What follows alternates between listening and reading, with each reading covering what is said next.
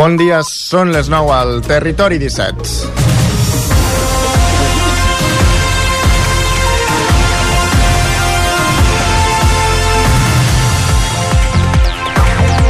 Vivim en un món globalitzat que tot i que cada vegada és més ric, també és més desigual. Mentre uns tenen una casa, reben educació, atenció sanitària, tenen una feina, els elements bàsics que hauria de tenir tot ésser humà, doncs n'hi ha que no ho tenen.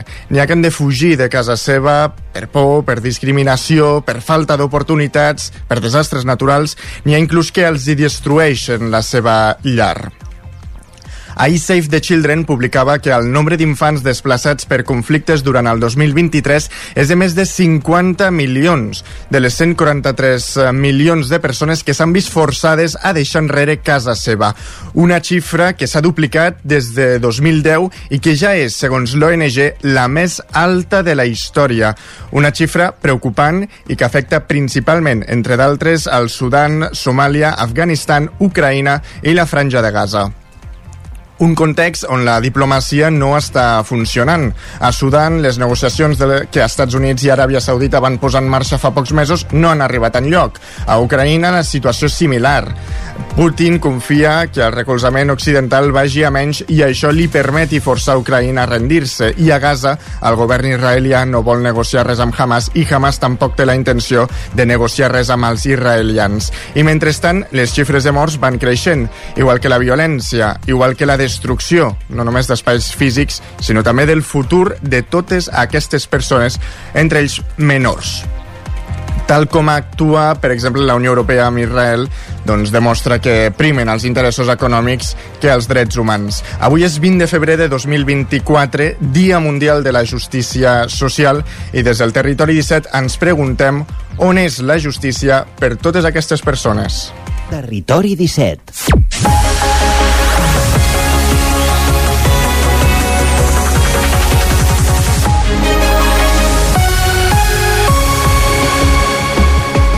Dos minuts que passen de les 9 del matí en el moment de començar el Territori 17, el magazín de les comarques del Vallès Oriental, Osona, el Ripollès, el Moianès i el Lluçanès, que us fa companyia cada matí dues hores des d'ara fins al punt de les 11 a la sintonia de Ràdio Cardedeu, Ona Codinenca, la veu de Sant Joan, Ràdio Vic i el 9 FM. I també, ja ho sabeu, ens podeu veure a través de YouTube, Televisió de Cardedeu, el 9 TV i la xarxa Més.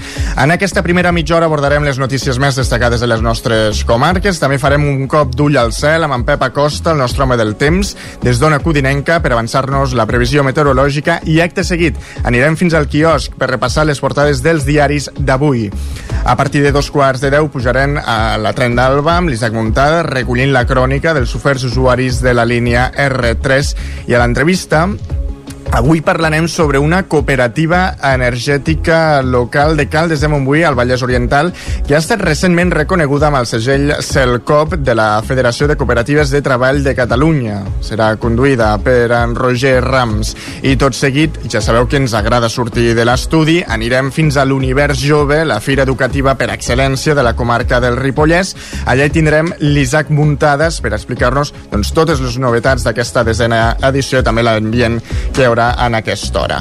I un cop arribem a les 10 repassarem les notícies, el temps i serà el torn de l'Espai d'Economia amb Joan Carles Arredondo, cap d'Economia del 9-9 del Vallès Oriental, que ens parlarà sobre les pensions i aquestes jubilacions que cada cop són més tardanes.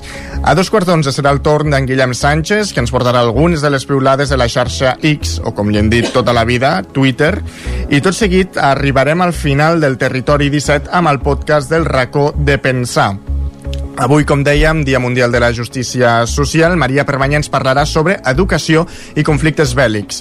Perquè com se li ha d'explicar a un infant, per exemple, què està passant entre Israel i Palestina? Com se li explica que a Gaza han mort de més de 10.000 nens i nenes, segons Save the Children, a causa d'aquesta guerra?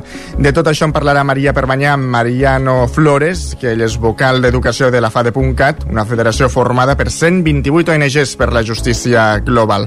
Això serà, però, l'última mitja hora d'aquest Territori 17 que comencem a servir-lo ara mateix amb les notícies més destacades de les nostres comarques, les notícies del Vallès Oriental, l'Osona, el Ripollès, el Moianès i el Lluçanès. Territori 17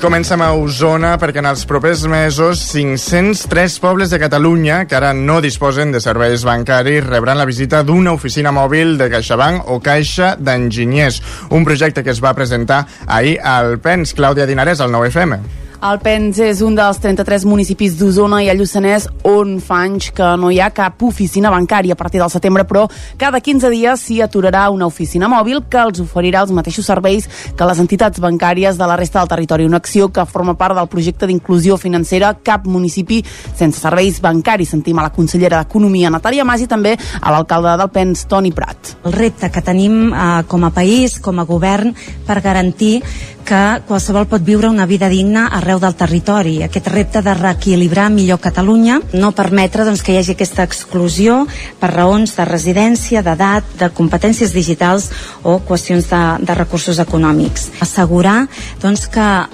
aquells veïns i veïnes de cada poble poden tenir accés als mateixos productes, als mateixos serveis que tindri, els que tindrien accés des de quals, qualsevol uh, oficina doncs, física. És un servei que es havia tingut anys enrere, molts pobles havien disposat d'oficina bancària, però fa uns quants anys que no ho tenim.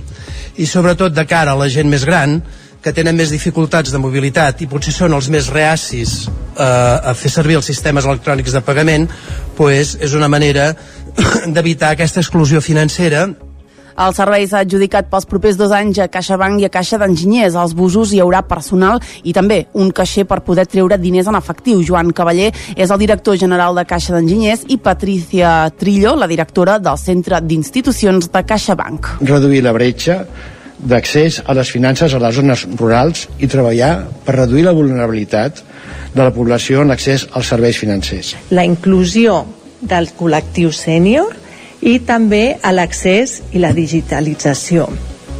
Per què? Doncs perquè si posem un caixer, moltes vegades tenen un problema i necessiten de la nostra assistència Segons dades del Departament d'Economia, en els darrers 15 anys el nombre d'oficines bancàries a Catalunya s'ha reduït un 74%. S'ha passat de més de 8.000 a unes 2.000. Més de la meitat dels municipis catalans, 503, no disposen d'oficines bancàries. Ara la Generalitat destinarà més de 900.000 euros cada any per reduir la bretxa en l'accés a les finances.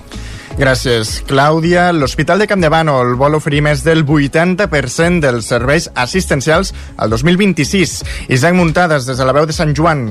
Un dels objectius troncals de l'Hospital Comarcal del Ripollès de Can Bànol per als pròxims anys és que com a mínim pugui fer entre el 80 i el 85% de les activitats d'un hospital de les seves característiques perquè els pacients no hagin de marxar a una altra comarca a tractar-se. Ara mateix el centre hospitalari ofereix entre un 75 i un 80% dels serveis assistencials. Per assolir aquesta fita, divendres passat i davant de 150 persones al centre cívic La Confiança, l'Hospital de Can Bànol va presentar el pla estratègic pel període 2022-2026 que consta de cinc eixos capitals, hospital amable i amb valor social, referent en coneixement i atenció integral i integrada, magnetisme pels professionals, pràctiques en valor i aliances estratègiques i col·laboratives, uns eixos que s'han de materialitzar a través de complir més de 50 objectius i accions. La directora assistencial de l'Hospital de Can Dànol i del Consorci Hospitalari de Vic, Rosa Morral, explicava que era més senzill d'allò que semblava. De tots els processos de malalties no? que passen al llarg de la vida d'una persona i de tots els que es fan a Catalunya, només el, entre l'1,5 i el 2% màxim corresponen a processos d'alta complexitat que s'han de fer en un centre de terciarisme, que es diu, que en aquest cas podria ser l'Hospital Clínic o la Vall d'Hebron o el Trueta, aquests, aquests hospitals que tenen més complexitat. La resta, ja com diu el doctor Graner, aquest 80% que es, que es poden fer en els hospitals comarcals bàsics, com és en el cas de l'Hospital de Capdavant, hi ha una sèrie de procediments que es fan en els hospitals de referència, com en aquest cas és l'Hospital de, de Universitari de Vic. L'aliança estratègica de la C-17 amb l'Hospital de Vic, que enterra la que hi havia hagut amb l'Hospital d'Olot i el Trueta de Girona, ha permès que el centre hospitalari Can de Pugui oferir més serveis dels que es feien abans. Encara ara se'n continuen afegint. El Servei Català de Salut ha encomanat que durant el primer semestre del 2024 s'ha de treballar per incorporar la neurologia i l'endocrinologia. I, de fet, en el segon cas ja compten amb un professional provinent d'un hospital d'alt nivell que ha vingut a viure al Ripollès. Tot i les millores, hi ha patologies que no es podran tractar mai a Can de Bànol. Així ho explicava el gerent de l'hospital, Joan Graner. Jo sé positivament que un infart no el podrem tractar, el tractarem a urgència en la primera tal, però després no, o sigui, ha d'anar a un centre en què hi hagi unitat malaltitat coronària o que, que tinguin hi ha especialitats que no les tindrem no les tindrem mai i gràcies nosaltres aquí una unitat de cures intensives no la tindrem mai L'aliança estratègica amb l'Hospital de Vic implica que la majoria dels professionals treballen pels dos centres sanitaris encara que estiguin contractats per una de les dues institucions. L'activitat més complexa la baixen a fer a Vic i la de menys complexitat a Can de Bànol. Per exemple, hi ha metges o pediatres que baixen a fer guàrdies a Vic i hi ha cirurgians, traumatòlegs o nefròlegs que pugen a Can de Bànol. Els caps de servei són territorials i quan planifiquen l'activitat ho fan pensant en els dos centres. Gràcies, Isaac. La policia local de Sant Feliu de Codines ha detingut un home per llançar pedres a cotxes particulars. Els agents i al cotxe de la policia local aquest divendres a la nit. L'home també va amenaçar amb un martell a un veí, Roger Rams, zona codinenca. Bon dia, exacte. Un home de 52 anys ha estat detingut aquest divendres a la nit a Sant Feliu de Codines per llançar pedres als agents de la policia local al cotxe a patrulla i també malmetre diversos vehicles que estaven aparcats al carrer Sant Quirze a Toncar de l'Avinguda Escoles. L'home ha estat imputat per lesió per danys, lesions i atemptat als agents de l'autoritat i ha passat a disposició judicial a Granollers. A banda de diversos cotxes particulars, com dèiem, amb malmès els vidres i el sostre del cotxe de la policia local. Els fets han passat poc després de les 11 de la nit d'aquest divendres, quan la policia ha rebut l'avís d'un veí que hi havia un home llançant pedres als vehicles. Els agents s'hi han desplaçat ràpidament i s'han trobat que l'home, que patia un brot psicòtic, els ha llançat pedres de grans dimensions tant a ells com també al vehicle policial. Els agents finalment han pogut reduir-lo i no han patit cap tipus de lesió. La policia local de Sant Feliu, però, ha comptat amb el suport dels Mossos d'Esquadra i també del Servei d'Emergències Mèdiques que s'ha desplaçat al lloc dels fets. Gràcies, eh, Roger. Nova jornada complicada a la R3 aquest dilluns a causa d'un robatori de coure que va obligar a irrompre la circulació de trens entre Parets i les franqueses del Vallès, Clàudia. Renfe va reprogramar el servei amb tren entre Puigcerdà i les Franqueses, autobusos entre les Franqueses i Parets i de nou en tren entre Parets i l'Hospitalet. Aquesta nova incidència coincidia amb la Constitució per part del govern espanyol i del català de la Comissió Política que haurà de pilotar el traspàs de Rodalies a la Generalitat, un acte que va comptar amb la presència del ministre de Transports, Òscar Puente, i també de la consellera de Territori, Esther Capella. La comissió haurà de fer possible la nova empresa mixta, Rodalies de Catalunya, que substituirà Renfe i que hauria d'estar enllestida d'aquí sis mesos. En la compareixença davant dels mitjans, el ministre de Transports parlava de la problemàtica d'aquest dilluns a la línia R3. Hoy en concreto se ha producido una, una sustracción de 400 metros de cable en la, en la R3 a primera hora, lo que ha impedido comenzar a proporcionar el servicio entre Parets y La Garriga. Al ser vía única, la única alternativa que podemos ofrecerle a los usuarios de, esa línea es de transporte por carretera, pero entenderán que se ha detectado el robo de- del material a primera hora, encontrar autobuses y conductores para ofrecer una alternativa de servicio en el momento no es fácil. Aquesta incidència se suma a les que usuaris i col·lectius ja van denunciar la setmana passada i que se suma a la pila d'afectacions que s'han registrat a la línia des de la seva reobertura el passat 4 de febrer. Davant d'aquesta situació i tal com ha informat fa només uns minuts el col·lectiu perquè no ens fotin el tren, aquesta tarda hi ha convocada una reunió amb Territori, Adif i Renfe i també Rodalies. A banda dels membres del col·lectiu també hi participaran diversos ajuntaments. En una piulada diuen que no admeten excuses i que reclamaran assumpció de responsabilitats de cada part i compromisos tangibles per solucionar el caos a la línia R3. I aquest dilluns un conductor d'un camió va resultar ferit amb pronòstic greu després de patir un accident a la rotonda de l'Esclat de Malla al tocar de la C-17. A informar el Servei Català de Trànsit, el camió va sortir de la via i no hi va haver cap altre vehicle implicat. L'home va ser traslladat a l'Hospital Universitari de Vic. L'accident va passar cap a les 6 del matí i fins al lloc dels fets s'hi van desplaçar diverses unitats dels Mossos d'Esquadra i també del sistema d'emergències mèdiques. I la caiguda d'un mur a la finca Marcos Redondo obligat a tallar el pas del passatge Sant Jordi a Viladrau. L'esllavissada es va produir dijous i no va afectar ningú. El passeig és un vial sense sortida i de fer i el fet que estigui tallat no afecta excessivament el veïnat perquè hi ha alternativa d'accés. La zona va quedar, això sí, tancada i es va avisar la propietat. La finca ha canviat de mans fa poc i s'hi han estat fent obres de reforma amb maquinària pesant treballant a l'exterior, circumstància que podria haver provocat la caiguda del mur. Per solventar-ho, segons han explicat des de l'Ajuntament, caldrà acabar de tirar terra el mur de manera controlada i fer-lo de nou. Canviem de qüestió. La Fira de l'Energia i la Construcció Sostenible tancava portes dissabte amb la certesa que l'energia renovable i la bioconstrucció generen interès. La proposta, que s'ha desplegat durant tres dies a Vic, ha comptat, Clàudia, amb una cinquantena d'estants. Exactament, una fira que ha comptat eh, també amb la primera trobada de dones constructores, una de les novetats que divendres va superar totes les expectatives. 35 professionals del món de la construcció van participar en una taula rodona que va desplegar-se a l'Espai Àgora, un dels punts més calents de la fira, que va instal·lar-se en una de les dues ales del recinte firal del Sucre de Vic i que va pilotar l'arquitecte i activista política Itziar González. Tres de les dones que hi van participar van ser Anna Parramon, professional de la fusteria, Anna Gómez, paleta, i l'estocadora i professional de la rehabilitació Núria Casa de Vall i mai he pensat pel fet de ser una dona que no pogués fer aquesta feina. Jo tampoc m'he sentit mai mm, fora de lloc, al contrari. Però sempre he hagut de demostrar el que sé fer. Com a dona sempre et pregunten i sempre et fan aquesta prova de realment ho saps fer? També hi va participar Isolda Vallvé, de Torelló, que actualment treballa com a escultora a la Sagrada Família. A mi m'agrada molt també com funcionen els homes, eh? jo m'he enriquit moltíssim amb ells. Però hi ha una part també que la dona aporta que té més a veure amb algo més horitzontal.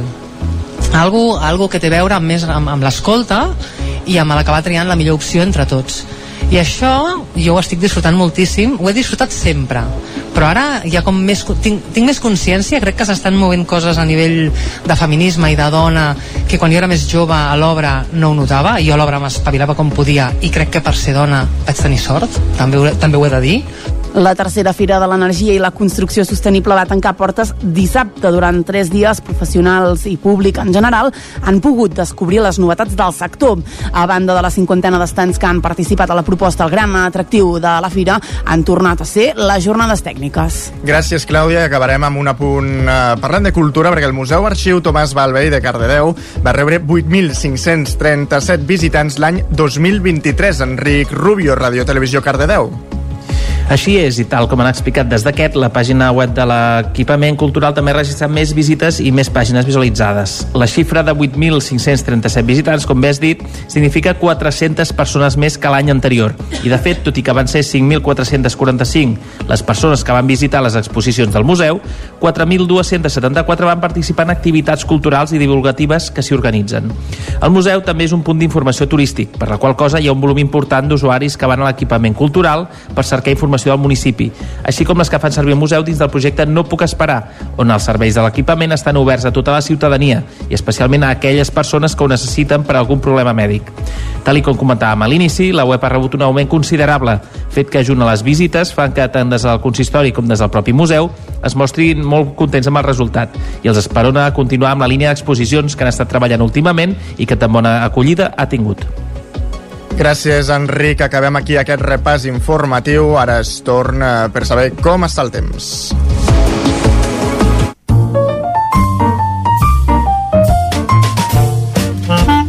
Casa Terradellos us ofereix el temps. I saludem el nostre home del temps, en Pep Acosta, d'Ona Codinenca. Bon dia, Pep. Hola, doncs ja estem aquí a la informació meteorològica eh, d'avui dimarts, eh, dia 20 de febrer què podem dir del temps? Què podem dir? Doncs el que ja diem fa moltes i moltes nits eh, no fa fred no hi ha ambient d'hivern ni de bon tos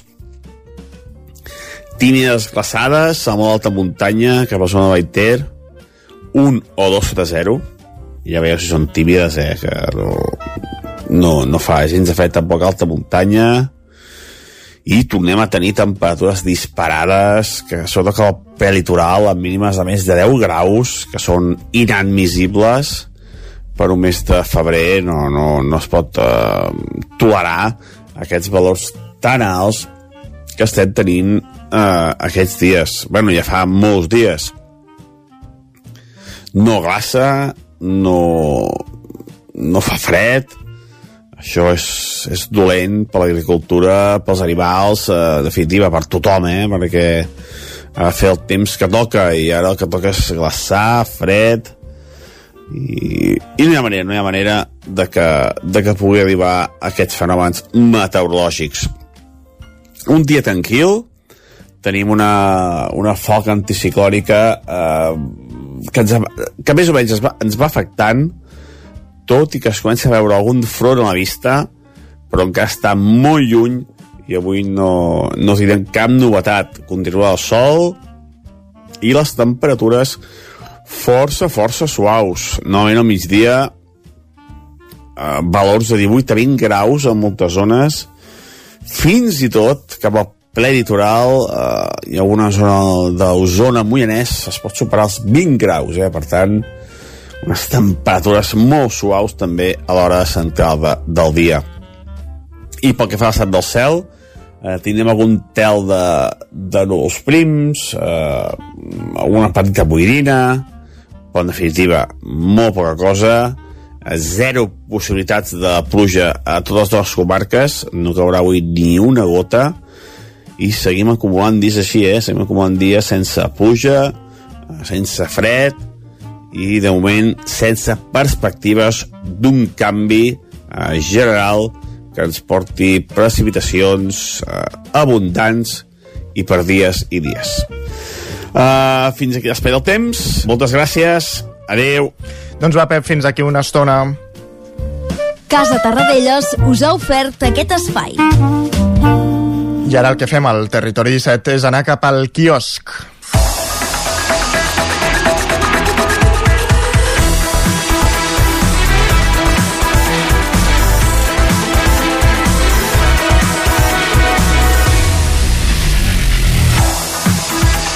I qui ha anat al quiosc doncs és la Clàudia Dinares. Bon dia de nou, Clàudia. Bon dia.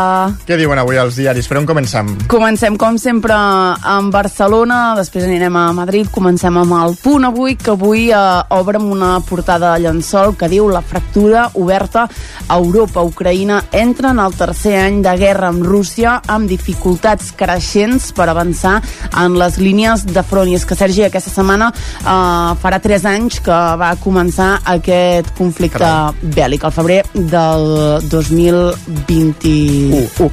Exacte. Uh, més coses, uh, altres titulars que veiem al punt avui, la vídeo de Navalny recull el testimoni del seu marit i continuarà la lluita per una Rússia lliure. I el traspàs de Rodalies diu inicia el seu llarg trajecte.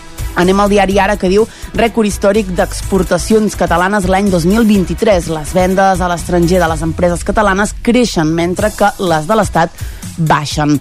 A la imatge hi veiem la vídua d'Alexei Navalny que diu agafa el relleu en política. El Partit Socialista descarta que l'amnistia estigui al darrere de la patacada rebuda a Galícia.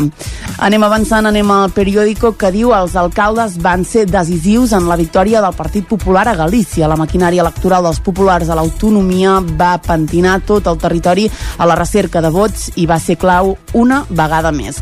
Avui el periòdico també entrevista l'Hisenda Alemany, líder d'Esquerra Republicana a l'Ajuntament de Barcelona, que diu el Partit Socialista ha vingut a la ciutat eh, que vol l'esquerra i votarem sí al pressupost. Més coses, uh, tornem a veure el llegat de Navalny, Borrell què diu, proposa donar Què el nom del finat opositor rus a les sancions de la Unió Europea sobre drets humans i la seva viuda promet seguir la seva tasca. I ara sí que veiem les portades de Barcelona, amb en Pep Acosta, Sergi, que se'ns ha colat una mica, no passa res. Ja ha tingut el seu espai, en Pep, ja ha tingut el seu espai. En fi, anem a l'avantguàrdia, com dèiem, que diu el Partit Socialista rebutja el cost electoral de l'amnistia i apunta als lideratges.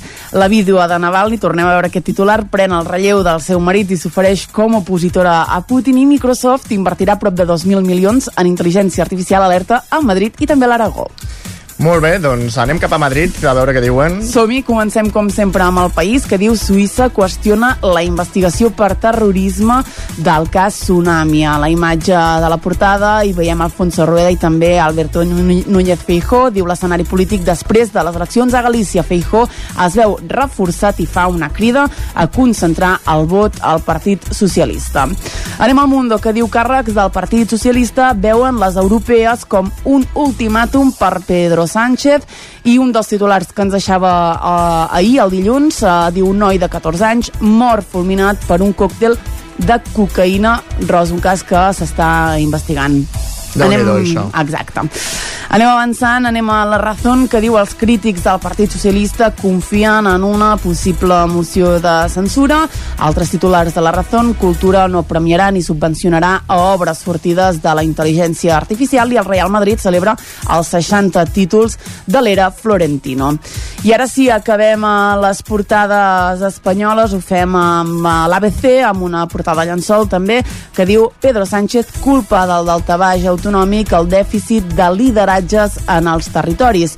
Paje creu que és millor aixecar ponts que murs després de que el Partit Socialista governi sol en tres autonomies i gairebé sobre 3,7 milions d'habitants. Aquests serien, uh, Sergi, els titulars d'avui dimarts. Fantàstic, Clàudia. Moltes, doncs moltes gràcies per aquest repàs. Fins ara. Fins ara, eh, nosaltres eh, continuarem el programa a partir de dos quarts amb l'entrevista on avui parlarem sobre una cooperativa energètica local de Caldes de Montbui, el Vallès Oriental, que ha estat recentment reconeguda amb el segell CELCOP de la Federació de Cooperatives de Treball de Catalunya. Uh, una entrevista que ens la portarà en Roger Rams i després també sortirem de l'estudi, ja que ens agrada fer-ho. Anirem fins a l'Univers Jove, la fira educativa per excel·lència de la comarca del Ripollès. Allà hi tindrem l'Isaac Muntades per explicar-nos totes les novetats d'aquesta desena edició i per explicar-nos també l'ambient que hi ha a hores d'ara a la fira i tot eh, això a continuació també a repassar, um, anirem a, a, començarem l'espai eh, d'economia amb en Joan Carles Arredondo, el cap d'economia del 9-9 del Vallès Oriental, que ens parlarà avui sobre pensions i aquestes jubilacions que són cada vegada més tardanes. Tot això, però, serà a partir de dos quarts de 10 del matí i el que fem ara és una pausa de 3 minuts i tornem. Fins ara.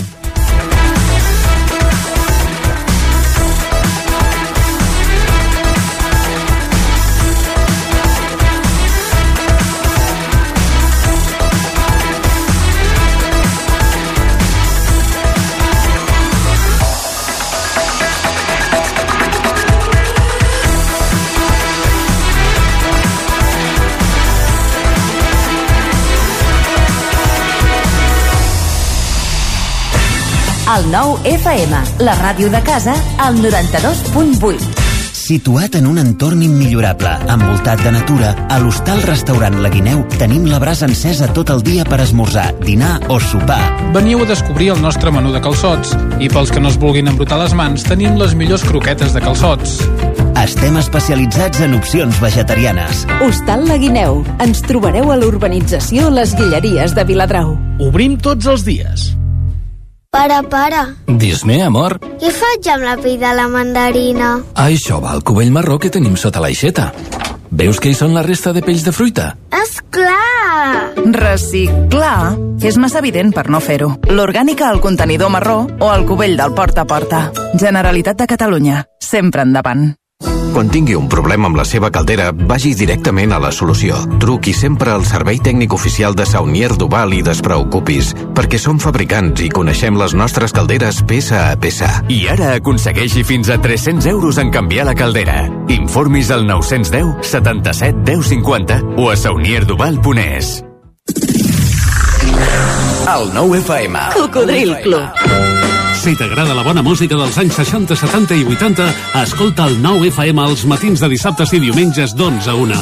És el temps del Cocodril Club, tot un clàssic de la ràdio, amb les bases del pop-rock, les llegendes, les cançons que s'han convertit en autèntics himnes. Recorda, dissabtes i diumenges al matí, d'11 a 1, al 9 FM 92.8. Cocodril Club, el programa revival de l'Albert Malla.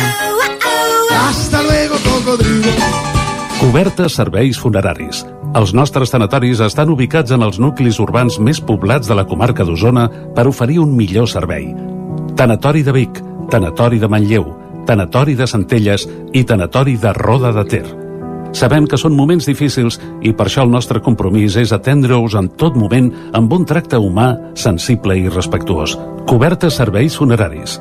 Telèfon 24 hores 93 883 23 46. La qualitat de les teves impressions és important per tu? Estàs cansat que els colors i les imatges no surtin com t'esperes? A Impremta Mater disposem de la tecnologia més avançada i els millors professionals per aconseguir impressions d'alta qualitat. Fem tota classe d'impresos amb acabats professionals. Llibres, catàlegs, revistes, tesis, calendaris, enquadernacions... I a més, disposem del servei d'impressió digital en gran format, roll-ups, lones, pòsters i molt més. Impremta Mater. Ens trobaràs a la carretera de Sant Hipòlit 23 de Vic o impremtamater.com. nou FM, el nou FM, el nou FM. Territori 17.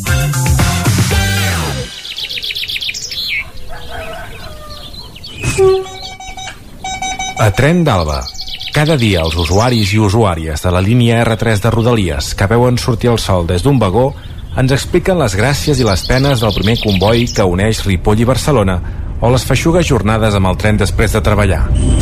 Benvinguts a Tren d'Alba. Recordeu que ahir hi havia problemes a l'R3 per variar, oi? I que la circulació de l'R3 entre Parets i les Franqueres del Vallès estava aturada, no? Doncs es va poder restablir finalment a les 7 de la tarda després d'estar parada durant 12 hores per un fet extern a la companyia ferroviària, en aquest cas, ja que uns lladregots van voler tocar la pera als usuaris i van robar cables de coure de la catenària, segons van informar Renfe i Adif. Durant tot el dia i per minimitzar l'afectació, Renfe va reprogramar el servei de la línia R3 de tal manera que entre Puigcerdà i les Franqueses es feia en tren, i en el tram afectat tocava agafar l'autobús i anar per carretera entre Parets i l'Hospitalet de Llobregat. A més, Protecció Civil va activar la prealerta del Pla Ferrocat, en un dia ideal en què es feia oficial l'inici del traspàs de Rodalies amb una compareixença conjunta entre la consellera de Territori de la Generalitat de Catalunya, Esther Capella, i el ministre de Transports, Mobilitat i Agenda Urbana del govern espanyol, Òscar Puente. Ja us en parlarem un altre dia, però esperem que sigui efectiu. Va, ens retrobem demà amb més històries del tren i de l'R3.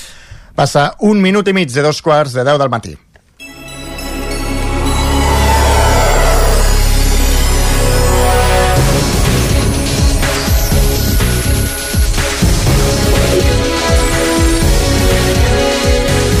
I avui a l'entrevista anem cap a una codinenca per parlar d'una cooperativa energètica local de Caldes de Montbui, al Vallès Oriental, que ha estat recentment reconeguda amb el segell CELCOP de la Federació de Cooperatives de Treball de Catalunya. Saludem de nou en aquest moment en Roger Rams. Bon dia de nou, Roger. Bon dia, Sergi. Què tal? Tot bé? Sí, i tu? Què tal?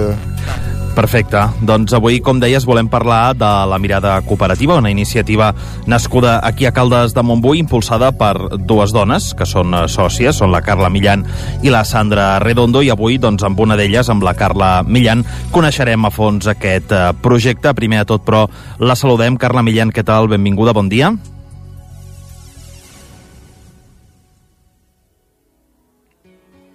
No la podem sentir?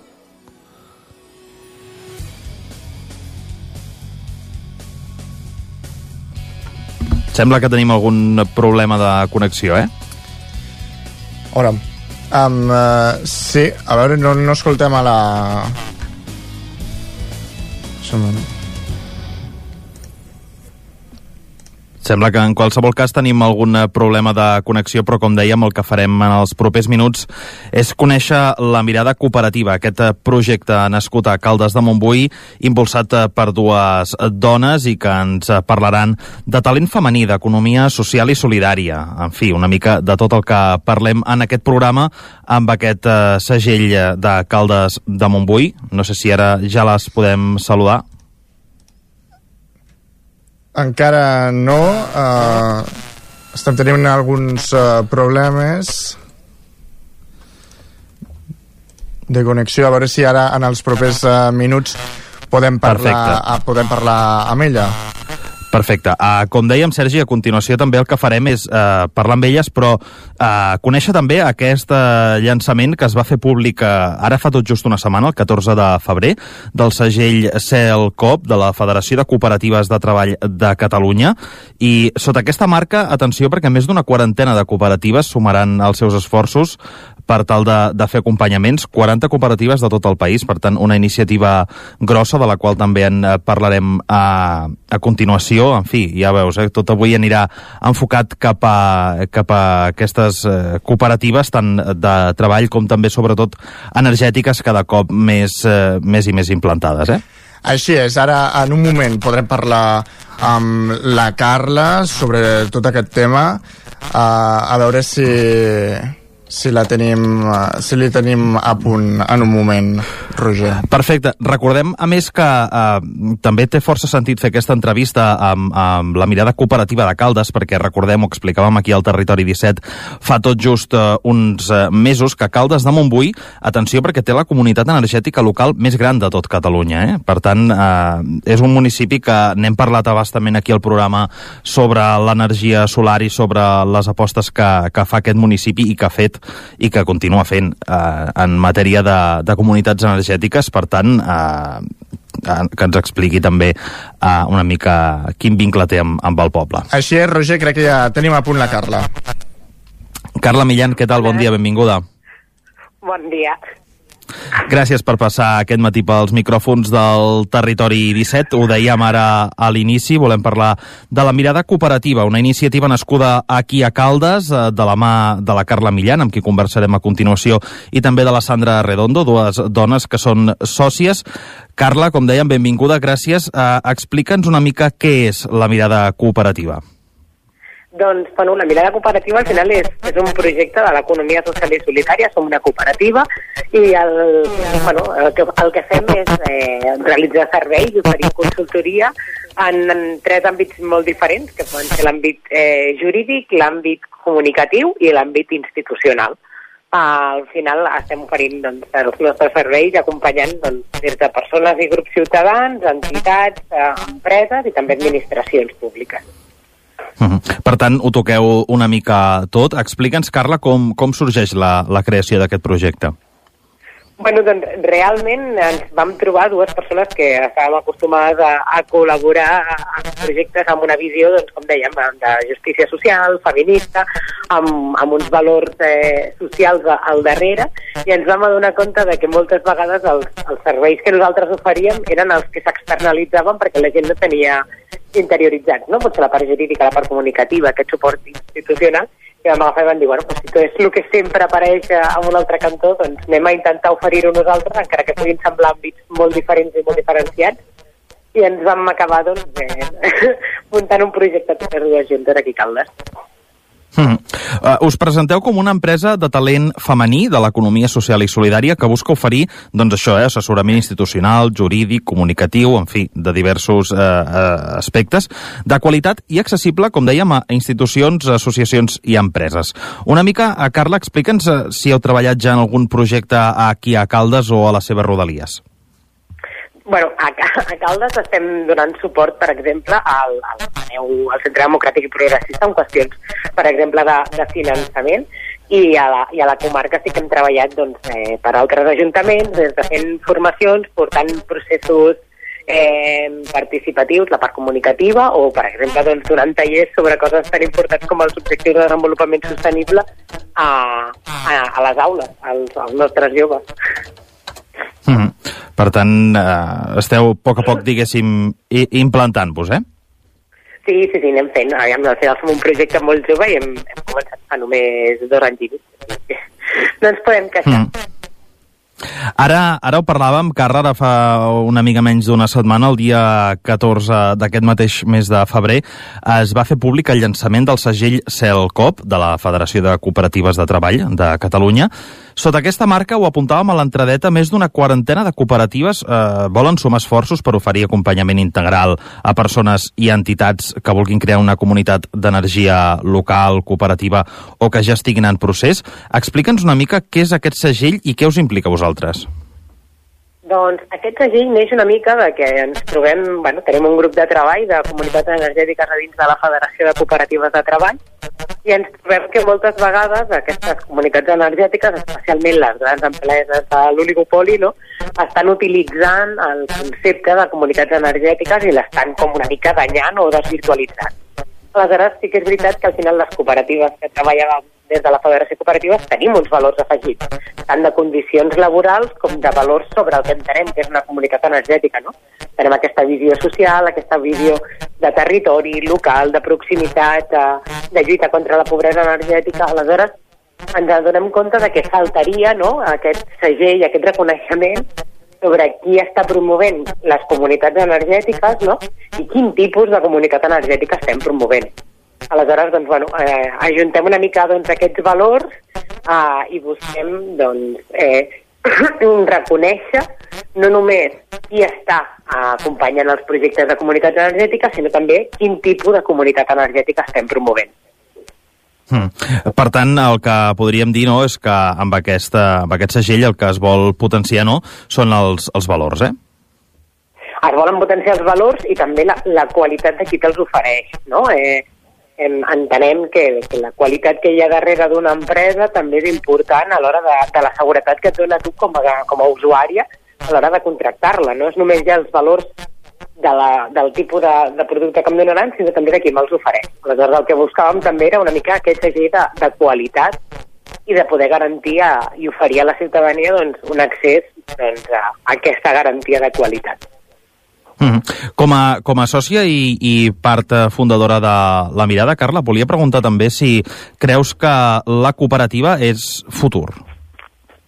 Creiem que la cooperativa eh, o sigui, és un model, entenem nosaltres, no només perquè l'haguem triat, sinó per, per tema de funcionament, creiem que és un model eh, econòmicament mm, molt més democràtic, molt més transversal, amb una participació directa de, dels treballadors i les treballadores a dins de l'àmbit, però a més creiem que a nivell de comunitat energètica és la figura jurídica que millor s'hi adapta a les necessitats d'una comunitat energètica. Encara no tenim jurídicament una descripció en el nostre país, però si mires les directives europees, mires el, el que ens demanen, no? que han de ser les comunitats energètiques, que han de ser democràtiques, han de ser transversals, han de ser participatives, han de ser obertes, uh, han de ser d'energies renovables, no?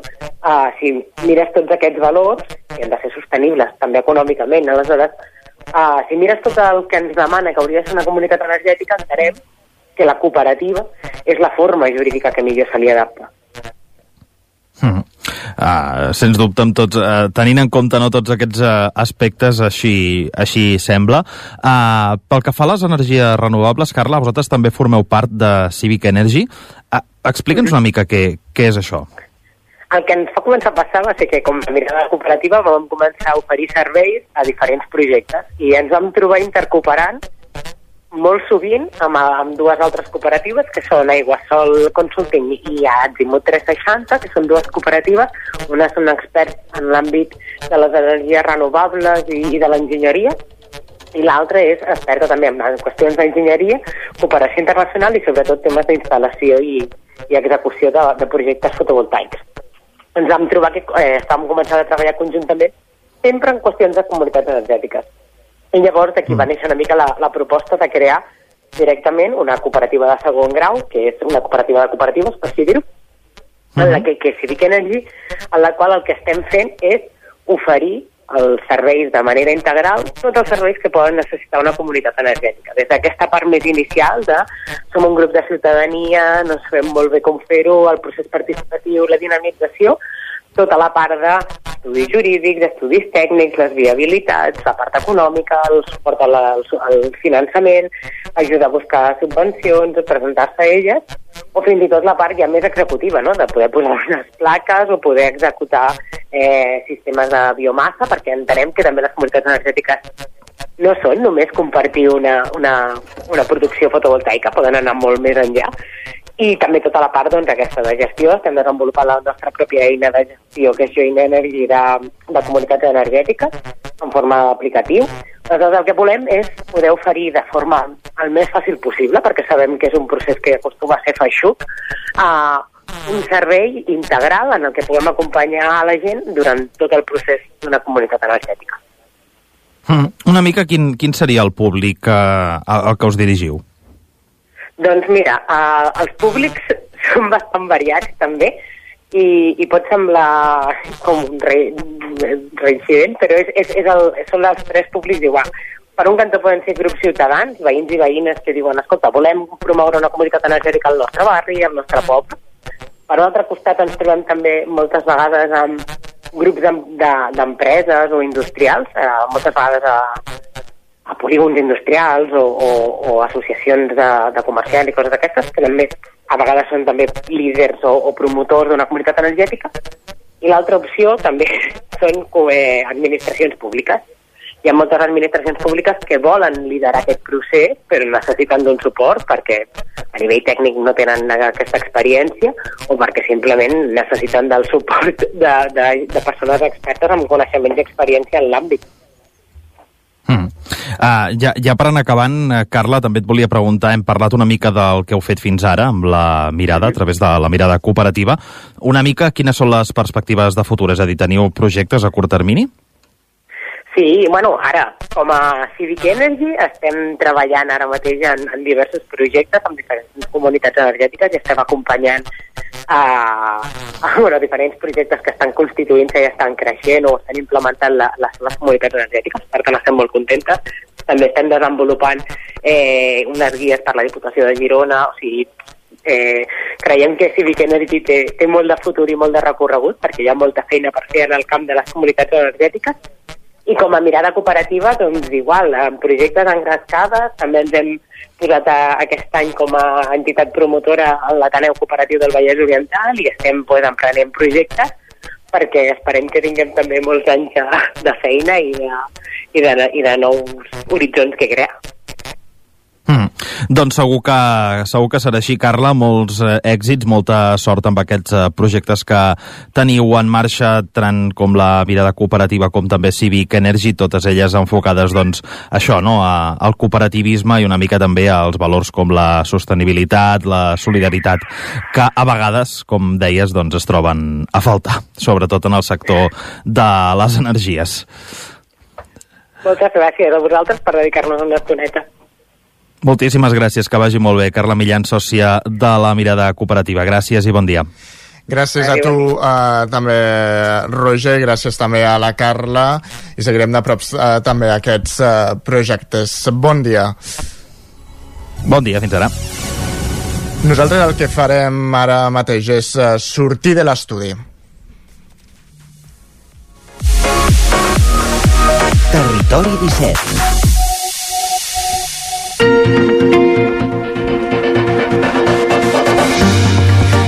I el que farem és anar cap a Ripoll perquè ja tenim a l'Isaac Muntades preparat per explicar-nos com ha començat l'Univers Jove, la fira educativa per excel·lència de la comarca del Ripollès, que enguany arriba a la seva desena edició i que ve carregat de novetats. Bon dia, Isaac, amb qui estàs?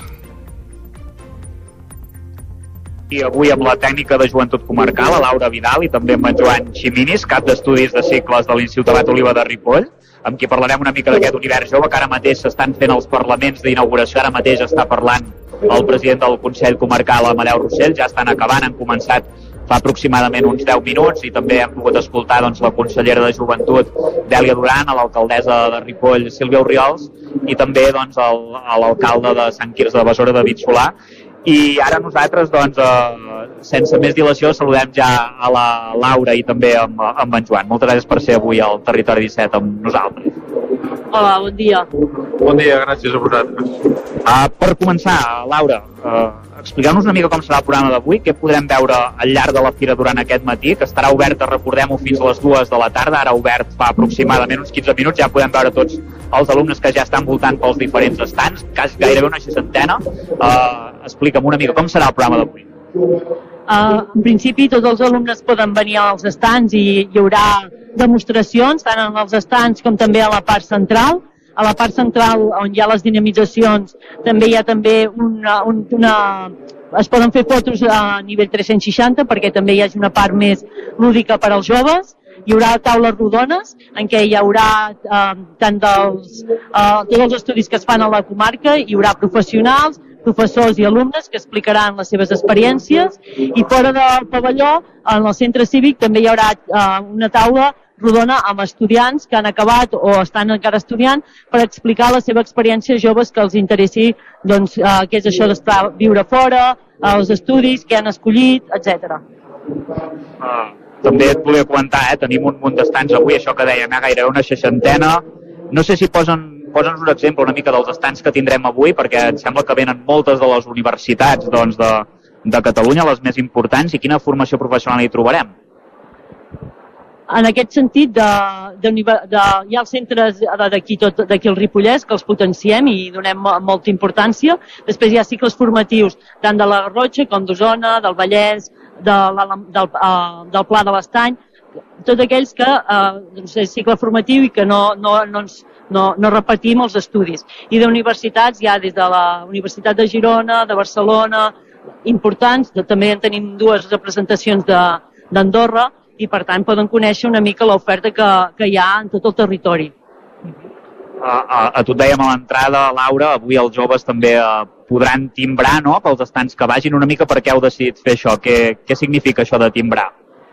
La idea, bueno, nosaltres comencem l'univers jove al setembre i ens vam trobar amb els professors de, que venen amb els seus alumnes i ens van demanar, doncs, perquè també sigui una mica aprofitós i que els alumnes hi treguin un profit per aquesta visita, doncs fer aquest control, no és un control, sinó que és una mica doncs, de, que coneguin els estants i que els hi facin preguntes i arrel d'aquestes preguntes els estants després els timbaran, els, timbaran al, al segell. No sé quants alumnes podrem tenir avui, entenc que n'hi haurà bastants, comentàvem l'altre dia una mica la, la xifra, es aniran repartint al llarg del matí, no entraran tots de cop, eh, entenem? Uh, no, el que intentem és que es vagin espongint amb tot, durant tot el, el matí perquè pugui haver-hi més, uh, perquè els estants puguin estar més per als alumnes, una atenció més, més individualitzada i després també aprofiten alguns uh, els centres d'aquí a la comarca per, per anar a veure també l'Institut d'aquí a Ripoll. Només entrar a l'univers jove, just a mà dreta tenim un dels estants uh, més grans d'aquí de, de l'univers jove, que és el de l'Institut uh, Abat Oliva, uh, evidentment doncs, és el centre educatiu més gran de, de la comarca, amb més alumnes, tenen una presència important també als, als estants del Ripollès, n'hi ha més d'una desena, encapçalats doncs, per l'Institut Abat Oliva. Uh, Joan, no sé què, què hi trobarem a l'estand de, de l'Institut i quins estudis oferiu. Doncs mira, nosaltres oferim un conjunt de, de cicles de grau mitjà que bàsicament corresponen a les famílies d'administració, de cuina i de forneria, i d'instal·lacions elèctriques i de manteniment electromecànic. Després també oferim un conjunt d'ensenyaments de, esportius que es podrien dividir en, en esports d'hivern, eh, surf de neu i esquí alpí. Després també tenim el cicle de senderisme i finalment també hi ha els, els d'especialització en barrancs o escalada. Eh, també val a dir que tenim, aquest any inaugurem l'IFE, que seria l'itinerari formatiu específic de, de, també de, relacionat amb la família de cuina. Tenim un grau superior, que seria el pas següent a un grau mitjà, de forma natural pels alumnes d'administratiu, ja que és d'administració i finances. I finalment també oferim un PFI, que és un programa de formació específica eh, relacionat amb l'àmbit administratiu. Ah, el vostre estant és el primer que, que trobem només entrar pràcticament. Eh, aquest any encara no ho podem saber, evidentment, perquè acaba de començar l'univers jo, però eh, s'interessen molts alumnes, de, de, sobretot entenc del Ripollès, però de, de fora també? Teniu molta demanda d'alumnes de, de fora? Uh, bé, nosaltres uh, sí que, que veiem una, una demanda creixent, sobretot amb el, amb el tema d'FP. Uh, no ho he dit, però també oferim batxillerats i varis itineraris, amb els quals també tenim representació aquí a l'Univers Jove. Uh, I sí que ens interessa captar gent, sobretot de, de comarques veïnes, que volen estudiar els cicles que oferim nosaltres i ells eh, per territori no, no el tenen. Eh? Eh, eh, això ho complementem amb, amb xerrades a altres instituts i valorem positivament que vinguin alumnes de fora, eh, sobretot. No sé què suposa, Joan, pels alumnes de l'Institut Abat Oliva i a la pràctica també ho faig extensiu doncs, als de la resta de la comarca, eh, doncs, eh, que puguin venir aquí a, a l'univers jove, al pavelló de Ripoll, al costat de casa pràcticament, els que, estan, els que venen a l'Institut de Oliva al costat de casa, perquè el tenim aquí al costat, eh, què suposa tenir un saló de l'ensenyament just al costat?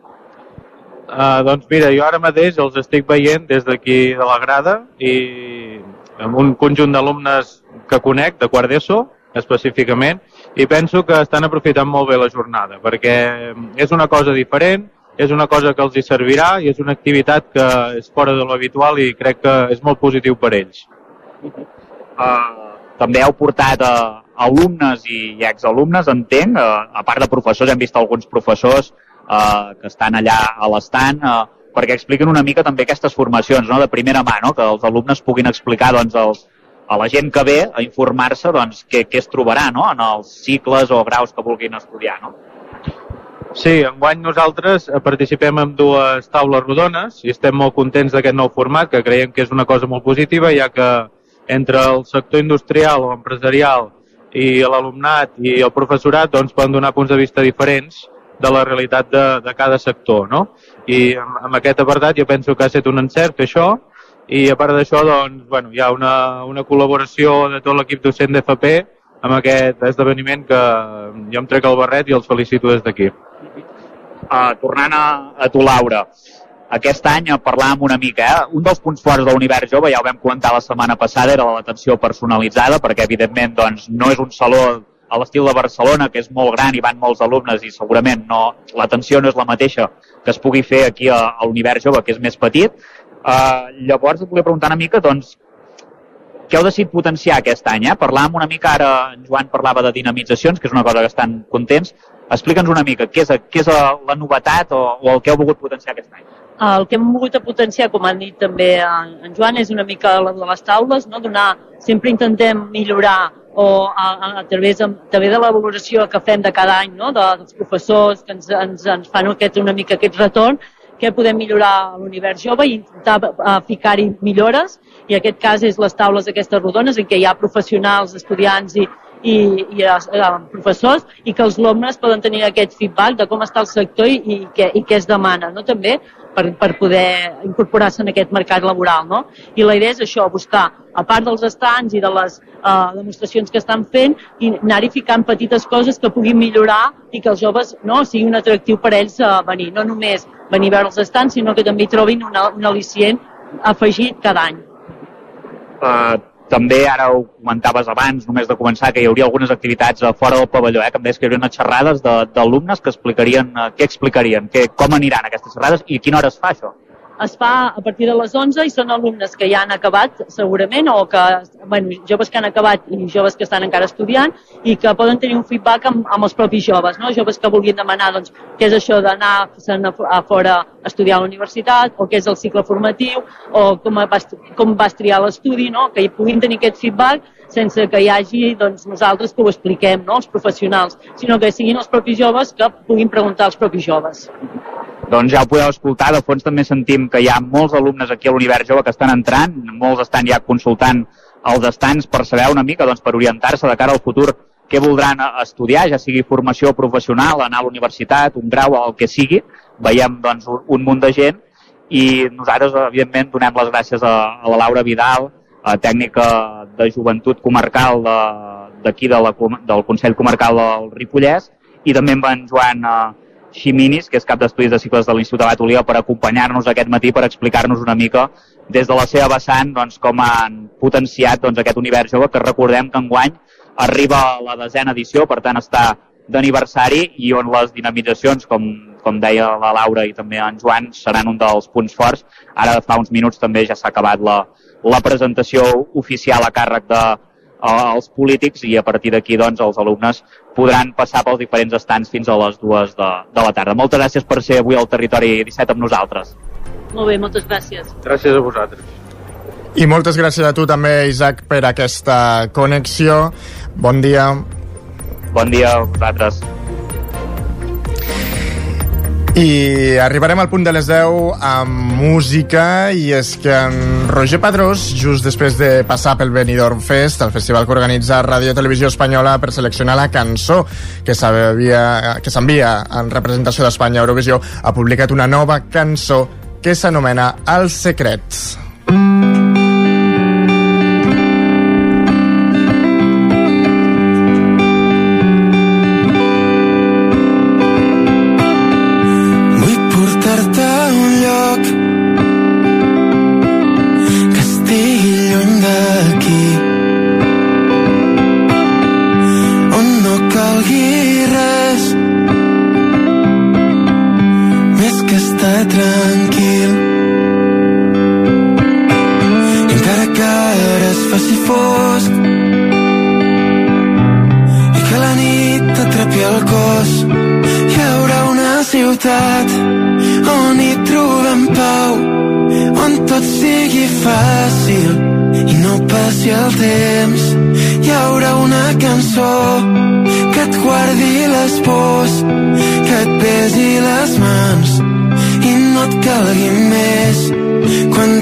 T'hagis perdut.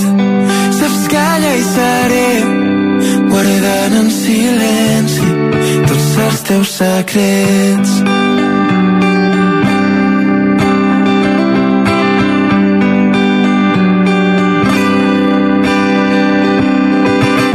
Vull saber de tu tots els teus indrets de cada racó. Els punts d'interès. I encara que ara es faci fosc i que la nit t'atrapi el cos hi haurà una ciutat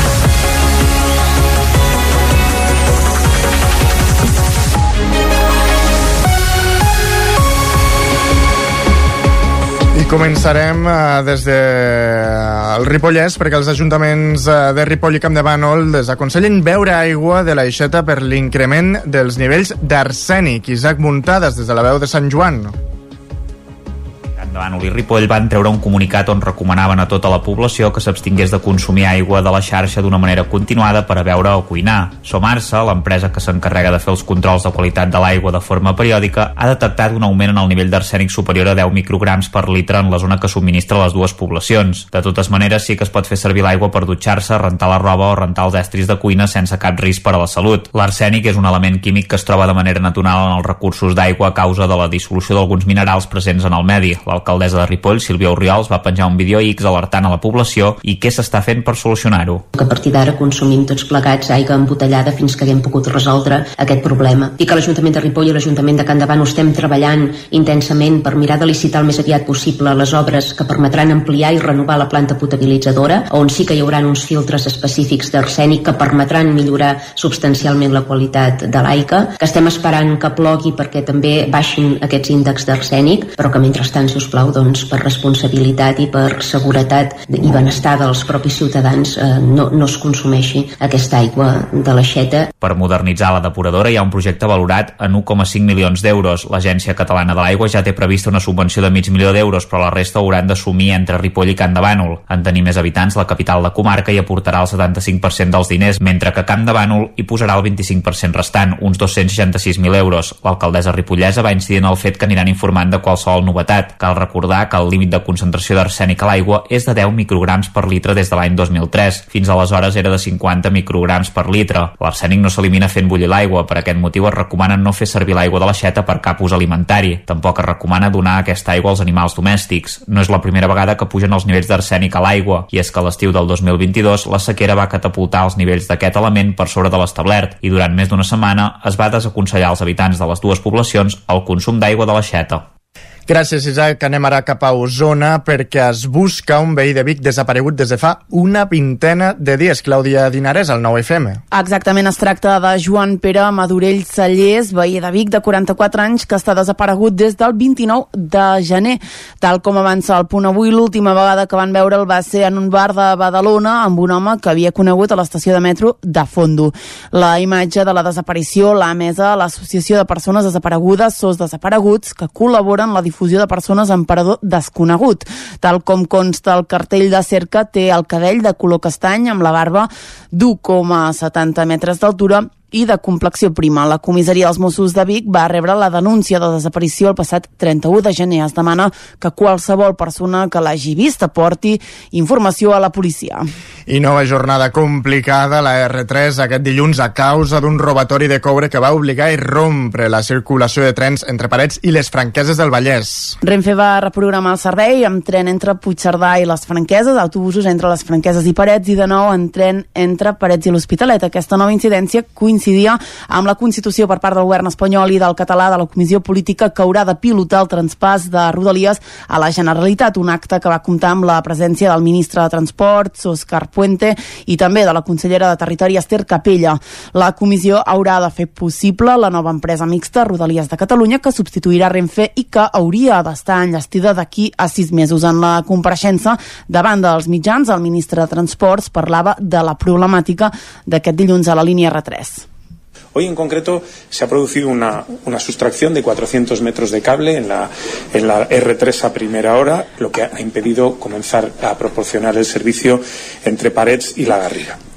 Al ser vía única, la única alternativa que podemos ofrecerle a los usuarios de, esa línea es de transporte por carretera, pero entenderán que se ha detectado el robo de, del material a primera hora, encontrar autobuses y conductores para ofrecer una alternativa de servicio en el momento no es fácil. Aquesta incidència se suma a la que usuaris i col·lectius ja van denunciar la setmana passada i que se suma a la pila d'afectacions que s'han registrat a la línia des de la seva reobertura el passat 4 de febrer. Davant d'aquesta situació i tal com ha informat fa uns minuts el col·lectiu perquè no ens fotin el tren, aquesta tarda hi ha convocada una reunió amb territori Adif, Renfe i Rodalies. A banda dels membres del col·lectiu també hi participaran, diuen, diversos ajuntaments de, la, de Catalunya. En una piulada diuen que no admeten excuses excuses i que reclamaran l'assumpció de responsabilitats de cada part i compromisos tangibles per solucionar el caos, diuen a la línia R3. Canviem de qüestió, la Fira de l'Energia i la Construcció Sostenible tancava portes dissabte amb la certesa que l'energia renovable i la bioconstrucció generen interès. La proposta que s'ha desplegat durant tres dies a Vic ha comptat, Clàudia, amb una cinquantena d'estants. Exactament, una fira que ha comptat enguany amb la primera trobada de dones constructores, una de les novetats que divendres va superar totes les expectatives. 35 professionals del món de la construcció van participar en una taula rodona que va desplegar-se a l'Espai Àgora, un dels punts més calents de la fira, que va instal·lar-se en una de les dues ales del recinte firal del Sucre de Vic i que va pilotar l'arquitecte i activista política Itziar González. Tres de les dones que hi van participar van ser Anna Parramon, professional de la fusteria, Anna Gómez, paleta, i l'estocadora i professional de la rehabilitació, Núria Casadevall i mai he pensat pel fet de ser una dona que no pogués fer aquesta feina. Jo tampoc m'he sentit mai mm, fora de lloc, al contrari. Però sempre he hagut de demostrar el que sé fer com a dona sempre et pregunten i sempre et fan aquesta prova de realment ho saps fer també hi va participar Isolda Vallvé de Torelló, que actualment treballa com a escultora a la Sagrada Família. A mi m'agrada molt també com funcionen els homes, eh? jo m'he enriquit moltíssim amb ells. Però hi ha una part també que la dona aporta que té més a veure amb algo més horitzontal. Algo, algo que té a veure amb, més amb, amb l'escolta i amb l'acabar triant la millor opció entre tots i això jo ho estic disfrutant moltíssim ho he disfrutat sempre però ara ha com més, tinc, tinc més consciència crec que s'estan movent coses a nivell de feminisme i de dona que quan jo era més jove a l'obra no ho notava jo a l'obra m'espavilava com podia i crec que per ser dona vaig tenir sort també ho, també ho he de dir la tercera Fira de l'Energia i la Construcció Sostenible va tancar portes dissabte durant tres dies. Professionals i públic en general han pogut descobrir les novetats del sector.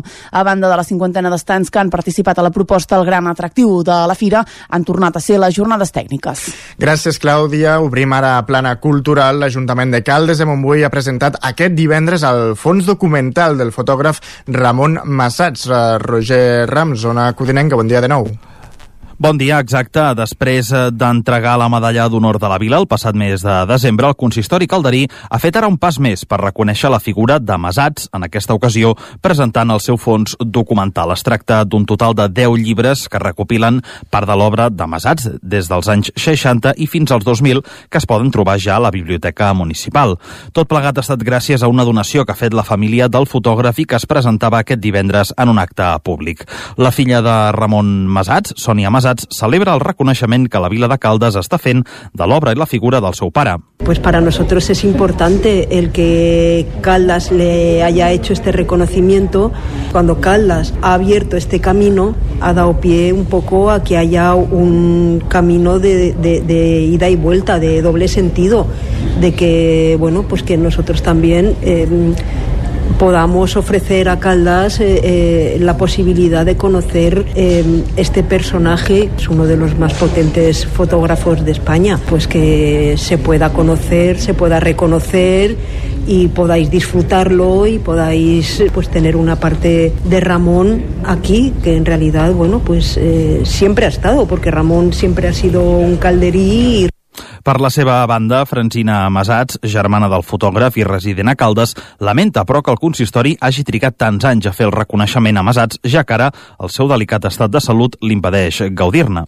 Mira, no ens ha agafat de sorpresa, vull dir, perquè fins ara el Ramon no havia sigut res.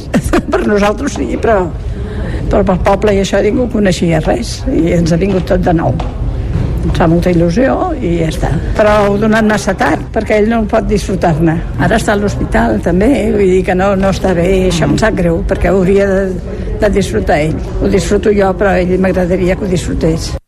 La regidora de Cultura, Laia Cuscós, mostrava orgullosa de l'acollida que està tenint aquest apropament a la figura de Masats i va reconèixer que des que va rebre la medalla d'honor al desembre, l'interès dels calderins per l'obra ha anat en augment. Doncs per Caldes és un orgull i un luxe poder tenir aquest uh, fons bibliogràfic a la nostra biblioteca perquè això, per poder conèixer més aquest personatge que potser per la, unes generacions doncs, ens ha quedat una miqueta més allunyat doncs, en el moment que connectes amb aquesta bibliografia, que entres en la seva fotografia descobreixes doncs, en aquest cas una Espanya diferent una Espanya que en els llibres d'història eh, t'ho poden explicar però quan ho veus en imatge doncs veus eh, doncs, tot el patiment, la pobresa o els moments exactes. També les festes que es feien perquè eh, fotografiava molt els toros doncs tota aquesta cultura més espanyola ens pot arribar des d'un altre punt de vista des d'un altre enfoc mai més ben dit aquesta primera donació d'una part de l'obra de Masats al consistori és només un primer pas, ja que la família va apuntar que la intenció en els propers temps és reforçar el vincle i publicar un nou recull fotogràfic de Masats que un cop vegi la llum també es donarà a la Biblioteca de Caldes. Gràcies, Roger. Els olis i vins seran els protagonistes de la tercera edició del Mercat d'Olis i Vins programada el diumenge 3 a Sant Antoni de, Vilamajor. Enric Rubio, Radio Televisió Cardedeu.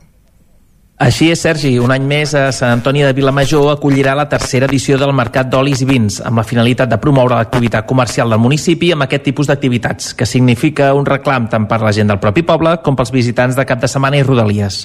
Estarà ubicat de 10 a 2 al Porxo de Can Sauleda, a tocar del mercat setmanal del primer diumenge de març, i comptarà amb gairebé una vintena de parades, on les persones visitants podran olorar i tastar i comprar els olis i vins de diversos cellers, així com de varietats de formatges, embotits, mel ecològica, ratafia i diversos productes de la terra. La jornada, que es du a terme en aquesta època de l'any, ja que és el millor moment d'olis i vins, pretén ser un festival gastronòmic i un espai per reformar els productes del territori en un moment tan convuls per a l'agricultura i la ramaderia. Gràcies, Enric. Acabem aquí aquest repàs informatiu. És hora de saber com està el temps.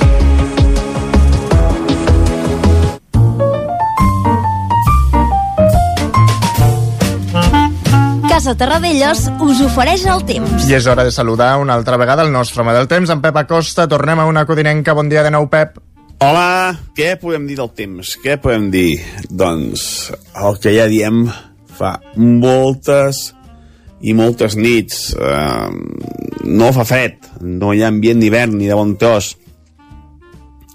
Tímides glaçades a molt alta muntanya cap a la zona de Baiter, un o dos sota zero, ja veieu si són tímides, eh, que no, no, no fa gens de fred tampoc alta muntanya, i tornem a tenir temperatures disparades que sobretot que el prelitoral amb mínimes de més de 10 graus que són inadmissibles per un mes de febrer no, no, no es pot uh, tolerar aquests valors tan alts que estem tenint uh, aquests dies. Bueno, ja fa molts dies. No glaça no, no fa fred. Això és, és dolent per l'agricultura, pels animals, eh, definitiva, per tothom, eh? perquè ha de fer el temps que toca i ara el que toca és glaçar, fred, i, i no hi ha manera, no hi ha manera de que, de que pugui arribar aquests fenòmens meteorològics. Un dia tranquil, tenim una, una falca anticiclònica eh, que, ens, que més o menys ens va, ens va afectant, tot i que es comença a veure algun front a la vista, però encara està molt lluny i avui no, no tindrem cap novetat. Continua el sol i les temperatures força, força suaus. Normalment al migdia eh, valors de 18 a 20 graus en moltes zones, fins i tot cap al ple litoral, eh, ha alguna zona d'Osona, Moianès, es pot superar els 20 graus, eh? per tant, unes temperatures molt suaus també a l'hora central de, del dia. I pel que fa a l'estat del cel, eh, tindrem algun tel de, de núvols prims, eh, alguna petita boirina, però en definitiva, molt poca cosa, zero possibilitats de pluja a totes dues comarques, no caurà avui ni una gota, i seguim acumulant dies així, eh? Seguim acumulant dies sense pluja, sense fred, i de moment sense perspectives d'un canvi eh, general que ens porti precipitacions eh, abundants i per dies i dies. Uh, fins aquí l'espai del temps, ens escoltem demà. Moltes gràcies, adeu. Gràcies a tu, Pep. Fins demà. I ara al Territori 17 és moment de parlar sobre economia. Casa Tarradellas us ha ofert aquest espai. Ara mateix un quart d'onze del matí.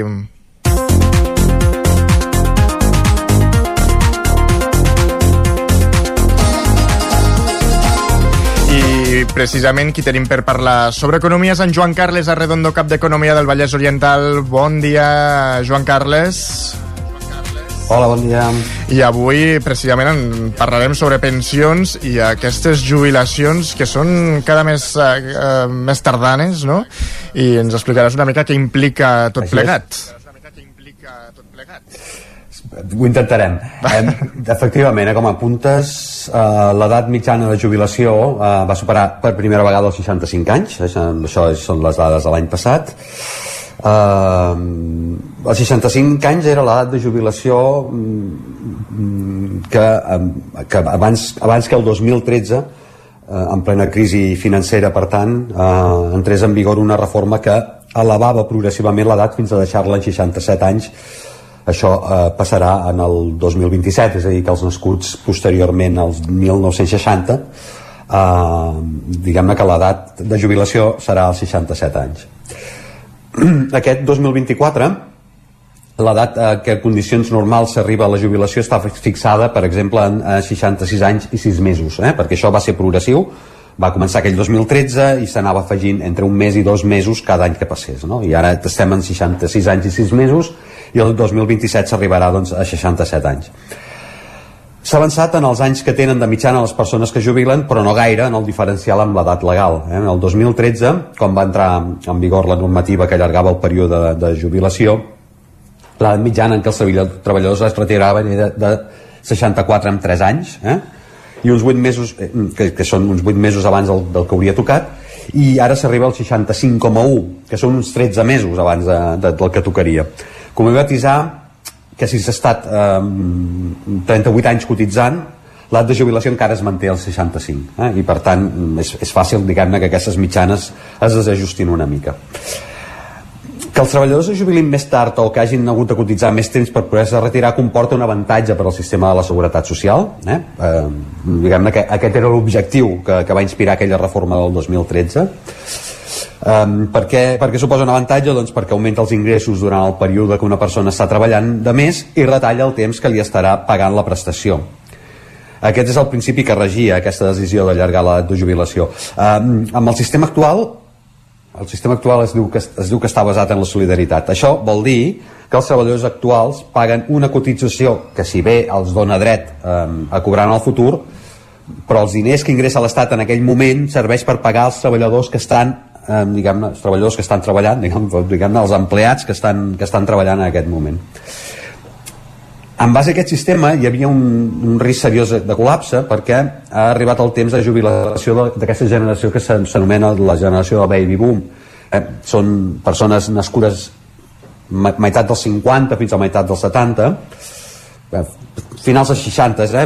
però bueno, podríem entrar fins i tot en la dècada dels 70 i no hi ha garantia que els llocs de treball que ocupen els treballadors que ocupen els treballadors d'aquesta generació siguin substituïts i si ho són, no necessàriament amb el mateix sou. Estan veient un procés clar de devaluació salarial, diguem-ne, i diguem, no sempre les persones que substitueixen eh, els treballadors que jubilen tenen, tenen salaris, eh, tenen els mateixos salaris. Tot això voldria dir que cal molta més gent treballant per poder pagar les pensions. Durant molts anys el sistema de la Seguretat Social ha estat acumulant dèficits perquè s'ingressava pel que s'ingressava a través de, de les cotitzacions dels treballadors actuals no arribava a cobrir la despesa en pensions. Per corregir aquest problema es va optar per fer transferències directes via pressupostos. És a dir, per la via de destinar um, part dels ingressos um, que, que, es, que es recapten per impostos. Ara els números de la Seguretat Social llueixen superàvits, fruit només en part eh, que hi ha més persones treballant que mai, això, això sí que està passant, però fruit sobretot d'aquestes transferències que, que comentàvem. No? Um, aquestes transferències arriben a 39.000 milions d'euros, no és poca cosa, i significa que de cada 4 euros que l'Estat destina a pensions, 3 sí que provenen de les cotitzacions, però una ja prové, eh, un euro ja prové del que es redueix del dèficit a costa d'engrandir els comptes, eh, de, els comptes generals de l'Estat. Destinar recursos provenents d'impostos a quadrar els números de la seguretat social implica deixar de fer altres actuacions que també serien necessàries des de carreteres a altres polítiques socials, com ara que es parla tant de, de la qüestió de l'habitatge social. No? Com que aquesta és una situació que no es pot dir que sigui exactament sostenible, no es fa gens difícil pensar que el sistema de seguretat social tornarà a viure moments de reforma. El que ha passat aquest any que l'edat de jubilació s'ha allargat fins a superar per primer cop els 65 anys no serà una situació estranya. De fet, eh, ja en els últims anys s'ha anat arbitrant mecanismes per fer més atractiu que els cotitzants eh, puguin allargar més temps eh, el període en què estan treballant. No? I, de fet, un dels aspectes que ha contribuït a millorar, ni que sigui lleugerament, i amb ajuda dels pressupostos, eh, millorar els números de la Seguretat Social, ha estat que hi ha hagut més treballadors que han allargat el període laboral. Eh, el percentatge s'ha doblat en els últims 5 anys fa 5 anys era, havien retardat l'edat de jubilació un 4% del total de pensionistes eh, dels nous pensionistes volem dir. I, i l'any passat ja era un 8% també hi ha hagut eh, menys jubilacions anticipades probablement perquè els ajustos de grans sectors com el financer que diguem-ne que ha utilitzat moltíssim aquest mecanisme per, per alleugerir les plantilles amb un suport implícit de l'Estat que, que no va pas impedir, doncs diguem-ne que aquest gran ajust ja estava fet. Sigui com sigui, l'any passat el total de jubilacions anticipades va ser del 34%, quan 5 anys enrere representaven el 43%. Eh? Diguem-ne que amb, aquest, amb aquest sentit també s'avança. L'objectiu no amagat del govern és que es vagin incrementant les persones que opten per una jubilació més tardana. De fet, s'han aplicat mesures per afavorir-ho. S'augmenta lleugerament l'import de la pensió per cada, més treballat, per cada any de més treballat, sempre i quan no se superi un import màxim Eh, el treballador està, per tant, més temps cobrant el salari que té actualment i es veurà beneficiat amb una pensió lleugerament més alta. I per l'Estat l'avantatge és que està més temps sense pagar aquella pensió i més temps rebent la cotització d'aquest treballador. Ara fem una mica d'exercici de, de, de bola de vidre, normalment la tenim una mica mal calibrada, però intentem fer una mica de projecció. El que s'espera pel futur és que encara apareguin altres fórmules per allargar l'edat de jubilació. Eh, sobre la taula mm, hi ha mecanismes que mm, permeten fins i tot fer compatibles el cobrament d'una pensió i el d'un salari, eh, pesos del 50% cada un. El punt de partida d'aquests tipus de mesura és que el treballador té la possibilitat d'escollir. Faltarà veure si altres aspectes de la reforma tenen en, en compte aquesta llibertat d'elecció o com ha passat més sovint, que més sovint del que seria desitjable, també hi ha imposicions imposicions com la que va ser allargar l'edat de jubilació, que incidia més en la reducció de la despesa que en l'augment dels ingressos. Un augment al qual eh, hi ajudaria també que, a més d'incentivar jubilacions d'edat més avançades, es propiciés que hi hagués salaris més alts. Eh, tot això té a veure amb, amb la productivitat i probablement sigui una qüestió de la qual parlem eh, properament. Eh? Eh, en tot cas, el futur, en el futur no deixarà de ser estrany veure treballadors amb 70 anys o més. Eh, I això va ser un objectiu que va expressar fins i tot eh, el que llavors era ministre de Seguretat Social, que era el José Luis Escrivà, avui ja, diguem-ne, canviat de cartera, però va dir que no ens hauria d'estranyar veure per persones amb 70 anys o més. Carai, eh, 70 anys o més eh, treballant, déu nhi eh? 70 anys o més eh, treballant, déu nhi Sí, bueno, sobretot en determinades ocupacions i aquí l'estat espanyol, diguem-ne, eh, hi ha un contingent elevat de determinades professions a les quals es fa difícil en, preveure que hi hagi persones amb més de 70 anys clar, clar, això, això també és veritat no, que n'hi ha d'altres no, no qualsevol feina permet una persona de 70 anys eh, continuar treballant o sigui, és a dir continuar treballant clar, no és el mateix estar damunt d'una bastida amb més de 70 anys que estar darrere un ordinador eh? o, o, o donant classes a la universitat, per exemple. És a dir, ja a la universitat hi ha una figura que és, que, que és el, el catedràtic emèrit que pot allargar diguem el, el, el període de, de docència, sobretot d'investigació, més, més, mm -hmm. més que el de docència, mm, clar, però és costa d'imaginar una persona de, de més de 70 anys damunt d'una vestida o um, fent les llarguíssimes hores eh, les llarguíssimes jornades laborals que implica treballar a l'hostaleria per exemple no? um, de tota manera sí que és veritat i aquesta, aquesta era una de les qüestions que, que penso que eren destacades que mentre les maneres de reformar la, la seguretat social en, en tradicionals, convencionals, habituals, han sigut intentar retallar la despesa i eh, fer moltes imposicions, ara s'està intentant maximitzar els ingressos a, a còpia d'incentius i això sembla una, una manera de fer que diguem-ne sembla una manera millor de fer que no amb la imposició i amb la culpabilització és a dir, si un arriba a l'edat de jubilació segurament només és culpable de fer anys i no, no, no entenc que sigui una gran culpabilitat no? En tot cas, eh, Joan Carles Redondo, cap d'Economia del Vallès, eh, del 9-9 del Vallès Oriental, gràcies eh, per explicar-nos totes aquestes coses, per, per posar números també en, en el tema de les pensions i d'aquestes jubilacions avui al territori 17. Gràcies a vosaltres, bon dia. Bon dia. Uh, nosaltres el que farem a continuació a partir de dos quarts de deu uh, del matí serà uh, parlar uh, sobre uh, educació i sobre uh, conflictes bèl·lics. Ho farà la uh, Maria López amb el racó de pensar avui que és el Dia Mundial de la Justícia Social abans, però també passarem uh, per Twitter amb en Guillem Sánchez. Això, però, serà d'aquí tres minuts minuts eh, després de la publicitat. Eh, fins ara.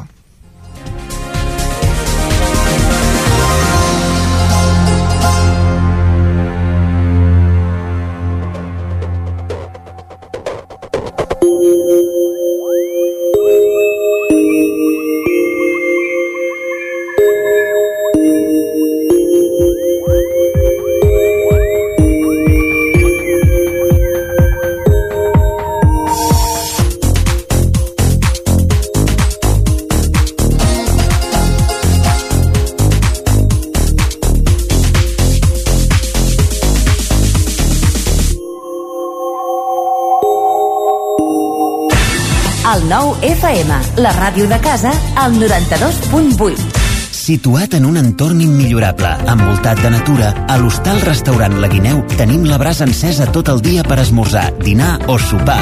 Veniu a descobrir el nostre menú de calçots i pels que no es vulguin embrutar les mans tenim les millors croquetes de calçots. Estem especialitzats en opcions vegetarianes. Hostal La Guineu. Ens trobareu a l'urbanització Les Guilleries de Viladrau. Obrim tots els dies. Quan tingui un problema amb la seva caldera, vagi directament a la solució. Truqui sempre al servei tècnic oficial de Saunier Duval i despreocupis, perquè som fabricants i coneixem les nostres calderes peça a peça. I ara aconsegueixi fins a 300 euros en canviar la caldera. Informis al 910 77 10 50 o a saunierduval.es. Jo no separo la brossa, em fa mandra. Què dius? Doncs nosaltres cuidem els clients reutilitzant i separant tots els envasos. Tu no recicles ampolles, pots i flascons de vidre a casa? Doncs no. I tu? És clar. Reciclar és massa evident per no fer-ho. Envasos de vidre, ampolles, pots i flascons al contenidor verd o al cubell del porta a porta. Generalitat de Catalunya. Sempre endavant. T'imagines un programa de política, d'economia, feina doncs ja te'n pots oblidar. Quin tinglado! Un programa d'entreteniment, actualitat, cultura i molt rigorós. Amb Bata Serrat, Miquel Giol i Eudal Puig. Un programa que no passarà a la història i que tampoc guanyarà cap ondes. No ens flipem. Escolta'l cada dijous en directe de 8 a 9 del vespre al 9 FM. Ai, ai, ai, quin tinglado! Cobertes serveis funeraris els nostres tanatoris estan ubicats en els nuclis urbans més poblats de la comarca d'Osona per oferir un millor servei. Tanatori de Vic, Tanatori de Manlleu, Tanatori de Centelles i Tanatori de Roda de Ter. Sabem que són moments difícils i per això el nostre compromís és atendre-us en tot moment amb un tracte humà, sensible i respectuós. Cobertes serveis funeraris. Telèfon 24 hores 93 883 23 46. La qualitat de les teves impressions és important per tu? Estàs cansat que els colors i les imatges no surtin com t'esperes? A Impremta Mater disposem de la tecnologia més avançada i els millors professionals per aconseguir impressions d'alta qualitat. Fem tota classe d'impresos amb acabats professionals. Llibres, catàlegs, revistes, tesis, calendaris, enquadernacions... I, a més, disposem del servei d'impressió digital en gran format, roll-ups, lones, pòsters i molt més. Impremta Mater. Ens trobaràs a la carretera de Sant Hipòlit 23 de Vic o impremtamater.com. Territori 17.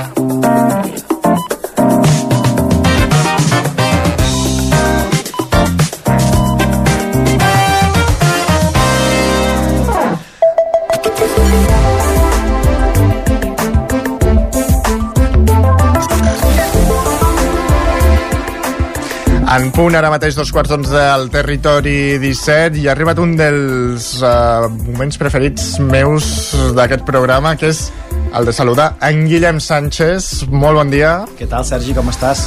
Fantàstic. Quins honors, eh, també s'ha de dir.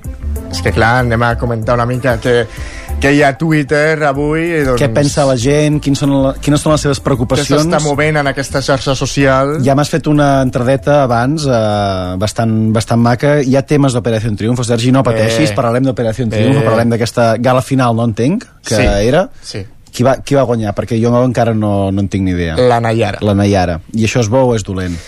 És bo perquè ara no la coneixes, però d'aquí un temps la, la coneixeràs.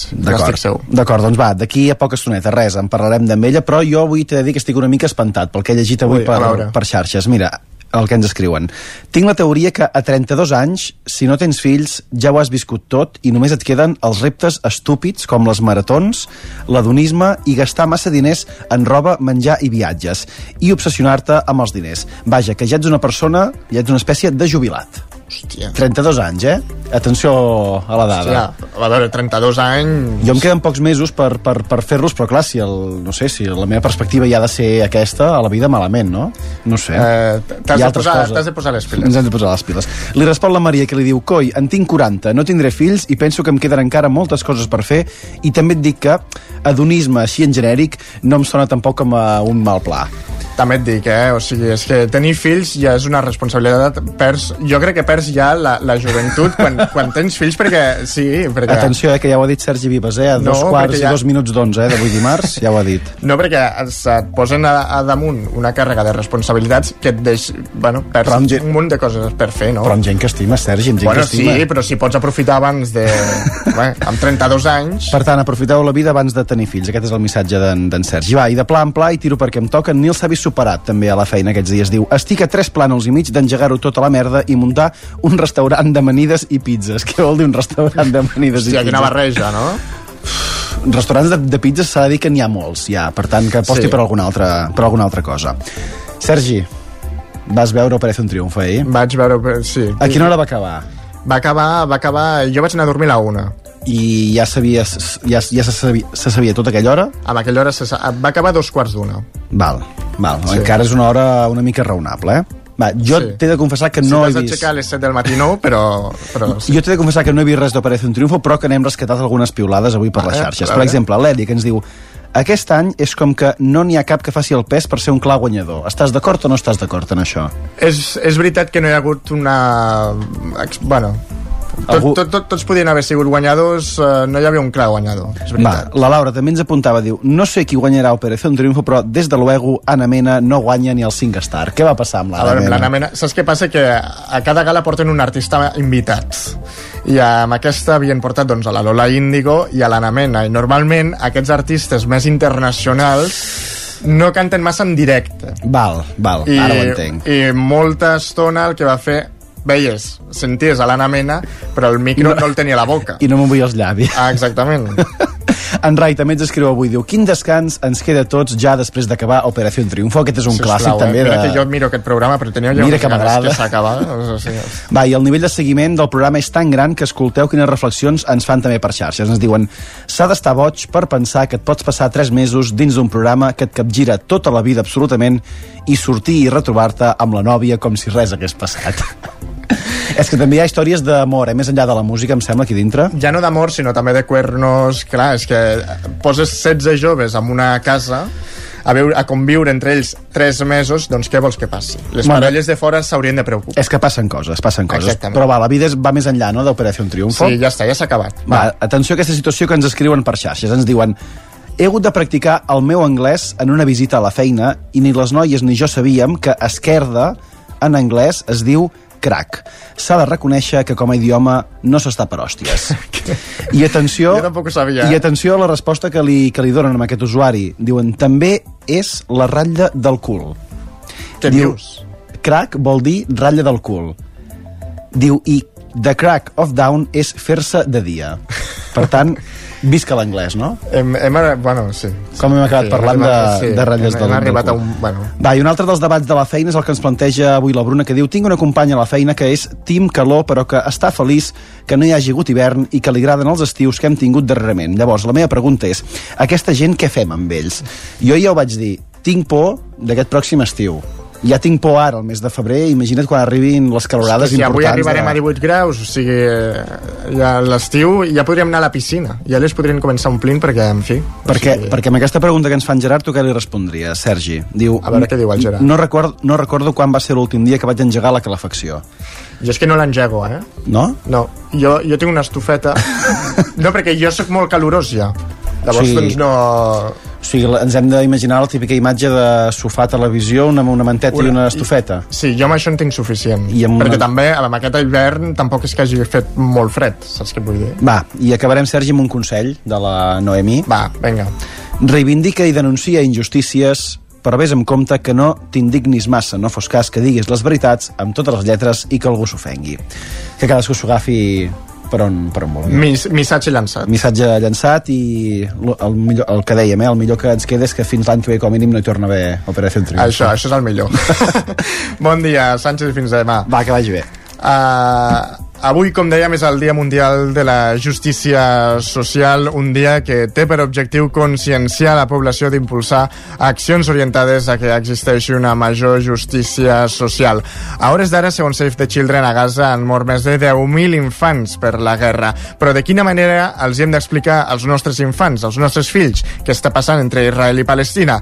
Doncs avui Maria López, al racó de pensar, ens parla sobre educació i conflictes bèl·lics. El racó de pensar, a Territori 17. Les famílies, el professorat i la comunitat educativa en general ens trobem cada dia amb els dubtes i angoixes dels nostres infants. Podem dir que tenim un màster resolent grans qüestionaments infantils.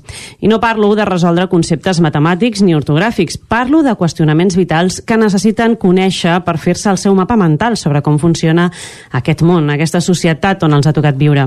I us asseguro que no sempre és fàcil trobar les paraules per explicar alguns temes i adaptar el vocabulari i els conceptes segons l'edat del nostre interlocutor.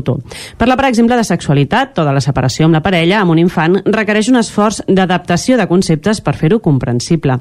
Però si ja és difícil fer-ho amb temes que tenim a l'abast i que podem comprendre, més difícil és encara fer-ho amb temes que són absolutament incomprensibles. I quan dic incomprensibles no em refereixo a que no tinguem clars els fets, que també ens passa sovint, sinó que no ens pot entrar al cap la realitat del que hem de descriure als nostres infants. Perquè com li expliques a un nen o a una nena la guerra? Com pots fer-li entendre que en alguns moments de la història o en algunes parts del món la vida de la gent no té cap valor. Com li explico al meu fill petit que a Gaza han mort més de 28.000 persones en només 4 mesos i que més de 20.000 són dones i nens aliens a la guerra?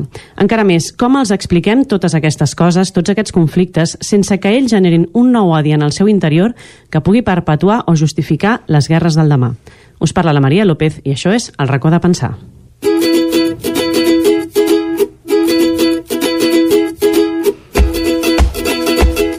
El racó de pensar, des de Ràdio Cardedeu. I per parlar de tot això, avui ens acompanya el Mariano Flores. Ell és vocal d'educació a la FEDE.cat, federació formada per 128 ONGs per la justícia global. Bon dia, Mariano, i gràcies per acompanyar-nos. Hola, bon dia, Maria. Gràcies per la invitació. Avui el repte que plantegem no és gens fàcil perquè si ja és difícil per als adults comprendre tota la situació que es dona actualment eh, entre Israel i Palestina, imagineu traslladar aquesta informació als nens i nenes, perquè les notícies estan a tot arreu i no són aliens al que està passant. De fet, ho comentàvem abans en la pretertúlia, podríem dir, no? que reben informació per tot arreu. Uh, com els hi podem explicar un conflicte tan, tan complicat? Sí, eh, es complejo.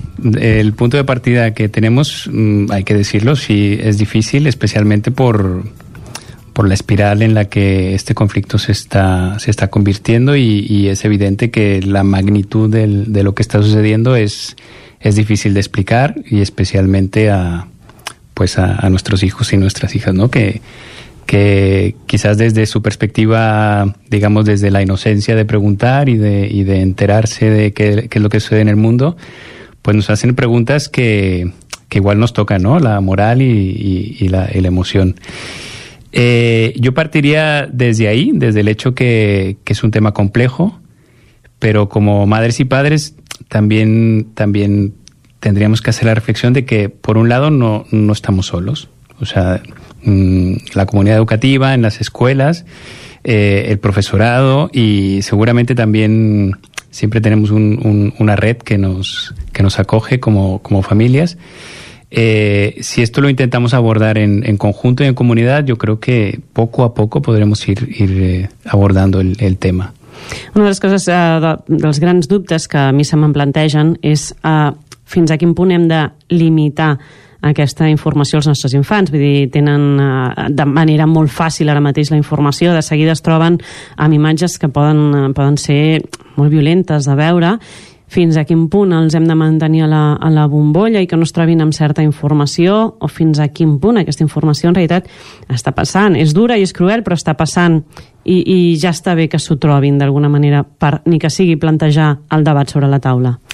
Sí, aquí este también es uno de los, de los grandes debates, ¿eh? de, de si tendremos que mostrar la realidad mmm, con la crudeza que estamos viendo o, o si también es una responsabilidad como familias y como madres y padres el adecuar la, la información. Y yo creo que especial, no tanto la información, sino especialmente eh, vivimos en un mundo muy mediático, sobre todo las imágenes. La, las imágenes evidentemente sí que pueden llegar a ser de una crudeza que, es necesario mmm, tener la capacidad y una responsabilidad como, familias de, de, moderarlas. Esta yo creo que sería una de las principales, eh, mmm, a lo mejor, recomendaciones. Abordar las temáticas, sí, es, importante abordarlas. Y aquí yo hago un, un, una similitud a un poco mmm, lo que en algunos ambientes, bueno, sobre todo en el ámbito docente de, de escuelas y institutos, eh, tratar de fomentar un pensamiento crítico. Y siempre cuando nuestros hijos, nuestras hijas vienen con preguntas o están incómodas por alguna temática, siempre es importante hacer a lo mejor como el, los tres pasos de esta dinámica de pensamiento crítico. Primero saber eh, qué sabes y de dónde has obtenido esta información, porque siempre nos vienen diciendo, ah, es cierto, ¿qué tal? Es tal. Pues, eh, He visto una... YouTube. Exacto, YouTube es he Dios visto YouTube, ahora, me sí. han dicho, el otro día en el patio me dijeron. Eh, esto yo creo que es relevante porque también como familia nos da la oportunidad de acompañar a nuestros hijos y decir, bueno, mmm, poco a poco tú también te tienes que ir formando un criterio. Puedes tener 6, 7, 8, 12, 14 años, pero siempre es relevante saber de dónde tienes esta información y, y hacer el ejercicio de valorarla. Una vez que como familia sabemos mmm, en qué, en qué momento está, porque es cierto que la información corre y traspasa por todos lados. Eh, yo creo que también es importante acompañar a nuestros hijos por la componente también emocional de lo que representa esta información y entonces atrevernos a decir, ¿qué, te gustaría saber de esto? ¿qué, ¿Qué quieres saber de esto que está pasando? Y en la medida en la que sea posible, también ese es otro encargo y un, una responsabilidad también como familias, prepararnos para saber que nos pueden preguntar pues muchas cosas, ¿no? Y en esto también como familias, como madres y padres, el primer paso yo creo que también sería esto, ¿eh? eh informar-nos, preparar-nos... És que aquí ja, ja, ja comencem amb un gran conflicte, que és uh, una cosa és informar, doncs això dèiem, no? d'una cosa que tens a l'abast, parlar d'emocions, parlar de certes coses, però per exemple un conflicte geopolític que mm, s'escapa al nostre propi coneixement, uh, jo no sé com explicar-li al meu fill coses que a mi a vegades em costen d'entendre, no? Que em puc mirar un, un vídeo també de YouTube, ja tornem amb, amb les fonts, no? Uh, explicar uh, el conflicte Israel-Palestina en 5 minuts i a veure si amb això trobo el, el bagatge de coneixement per poder-li traslladar això d'una manera senzilla. Però no és fàcil, no és gens fàcil. No, no es bien fácil, no, no, no.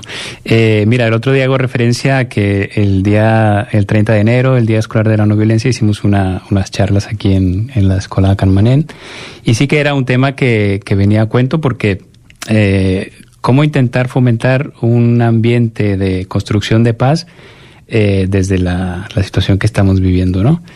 Eh, yo creo que el enfoque de la perspectiva de construcción de paz también ayuda a que más allá de, todos estos temas que son como complejos y hay muchas cosas alrededor, intereses geopolíticos, que si, que si el territorio, que si tal, eh, el enfoque de construcción de paz y sobre todo la, la, transformación de conflicto lo que ayuda es a enfocar particularmente eh, la visión más humanista. Uh -huh. Es decir, mm, vayamos primero por partes y el primer paso es saber qué le está pasando a las personas. Uh -huh. Independientemente de que si hay un Estado, que si toda, que si una resolución de la ONU, que si tal.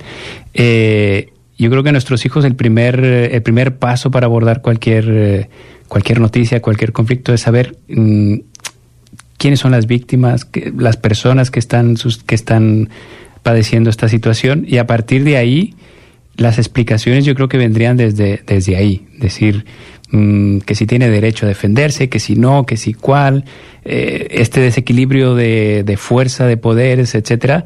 Eh, un primer paso es este, es, es poder fomentar en, nuest en, nuestros hijos y nuestras hijas esta sensibilidad hacia, hacia la humanidad, ¿no? hacia uh -huh. lo humano, y a partir de ahí, pues, ayudarles a formarse ese criterio.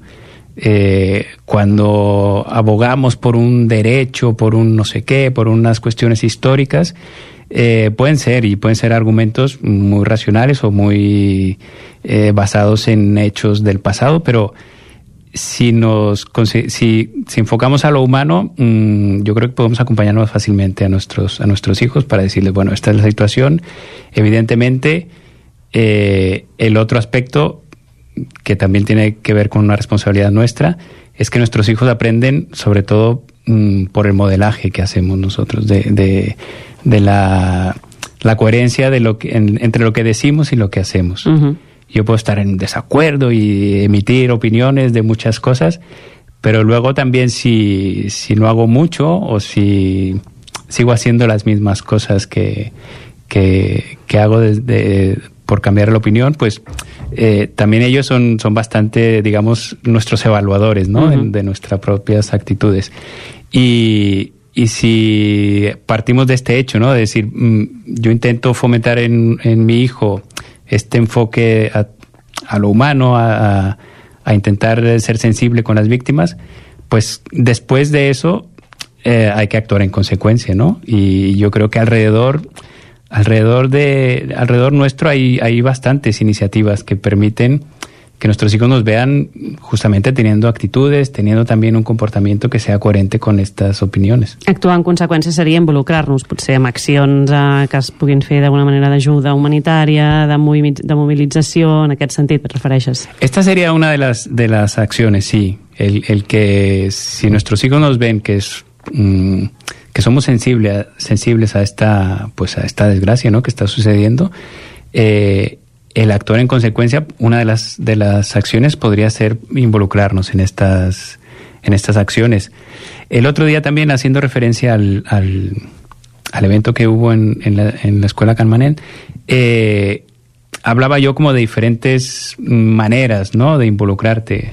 La escuela tiene sus herramientas y seguramente el profesorado tiene muchas acciones y muchas herramientas también que, que permiten fomentar un pensamiento crítico y también intentar construir esta, este enfoque de paz tanto en, los, en las escuelas y los institutos, en los institutos como, como hacia afuera, ¿no? Eh, pero, pero luego mmm, afuera mm, hay muchas, muchas opciones, ¿no? Muchas opciones en las que nosotros también nos podemos involucrar. Y volviendo al tema de la coherencia, eh, sobre todo con un enfoque que no sea, mm, antes lo decías en la, en la intro, ¿eh? que no sea, eh, que sea lo contrario, que no, que no, que no intente fomentar, por un lado, otro odio hacia, hacia el otro, ¿no? Per mi és de les coses eh, que crec que són més complicades, no? perquè en el fons, a més nosaltres on vivim, crec que ho hem, hem pogut eh, veure-ho d'alguna manera, som descendència de, de gent que ha viscut una guerra, una guerra civil i sense, sense voler, d'alguna manera, doncs, quan, quan es transmet la informació, on expliques fets històrics o qualsevol tipus de conflicte, tu ho expliques des del teu, des de la, la teva part, no? des del teu punt de vista. I això, indirectament, de cara a un nen, jo crec que acaben que ells de manera molt senzilla eh, desenvolupant qui és el bo i qui és el dolent. No? Al final, en els contes, en tot amb el que els eduquem, la cosa es redueix a qui són els bons, qui són els dolents. Explicar un conflicte d'aquesta magnitud o explicar la guerra civil, com ho van fer eh, les nostres famílies amb nosaltres, implicava d'alguna manera molt simple a fer aquest qui són els bons i qui són els dolents. I això és, un, és, bueno, és molt arriscat perquè en el fons el que estàs fent és perpetuar la imatge de que hi ha uns dolents.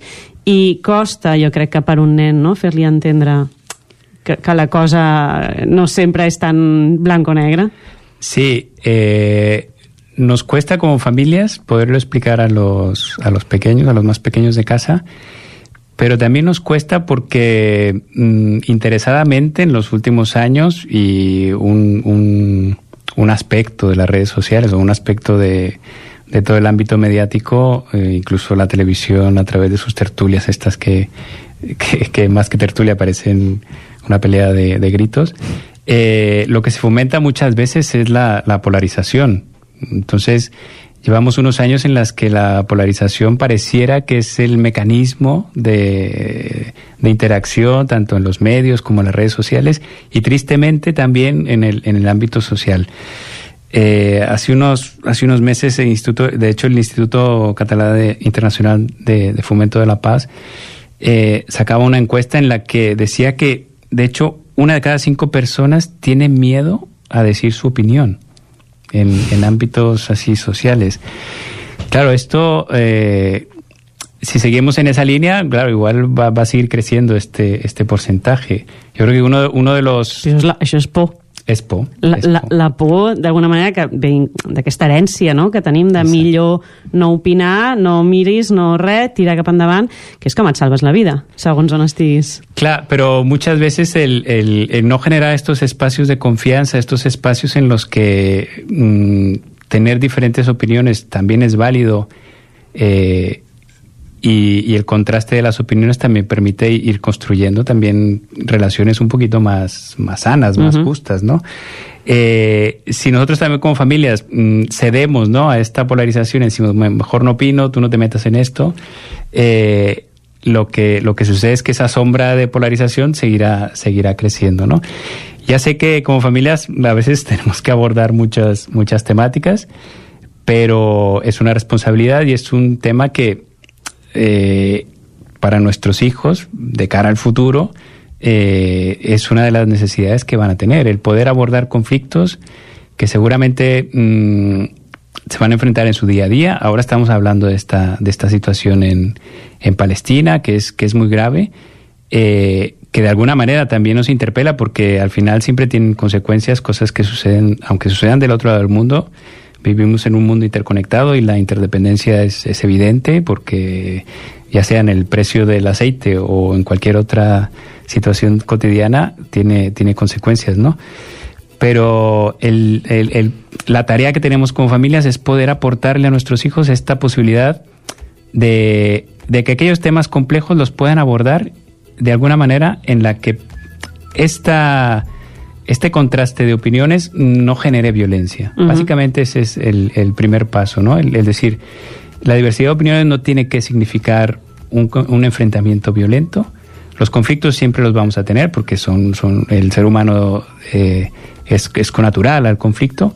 Es más bien cómo resolvemos o cómo transformamos estos conflictos en lo que podemos acompañar a nuestros hijos para que tengan una práctica, una práctica no violenta en relación a, a todos estos conflictos. I si em permet, per anar acabant, perquè ens arriba ja la música, rescataré una de les frases que es van dir aquí a una de les primeres tertúlies de la temporada, que era no prendre partit és prendre partit. Així que ensenyem d'alguna manera els nostres fills i filles també a prendre partit. Uh, moltíssimes gràcies, Mariano, per acompanyar-nos avui aquí al, al racó de, de pensar i orientar-los una miqueta amb aquesta tasca tan difícil com és acompanyar els nostres fills i ensenyar-los a parlar i a, i a compartir aquest conflicte. Moltes gràcies. Gràcies, Maria, gràcies. I a tots i totes vosaltres que ens seguiu i escolteu cada setmana, gràcies per acompanyar-nos una setmana més aquí, al nostre raconet, on ja sabeu que ens agrada debatre, pensar i qüestionar-nos, compartir opinions i sobretot escoltar-nos, perquè si alguna cosa ens ajuda a entendre'ns així, els humans en general, és precisament això, escoltar. Així que gràcies per fer una setmana més i ens trobem en uns dies a un nou capítol del Racó de Pensar.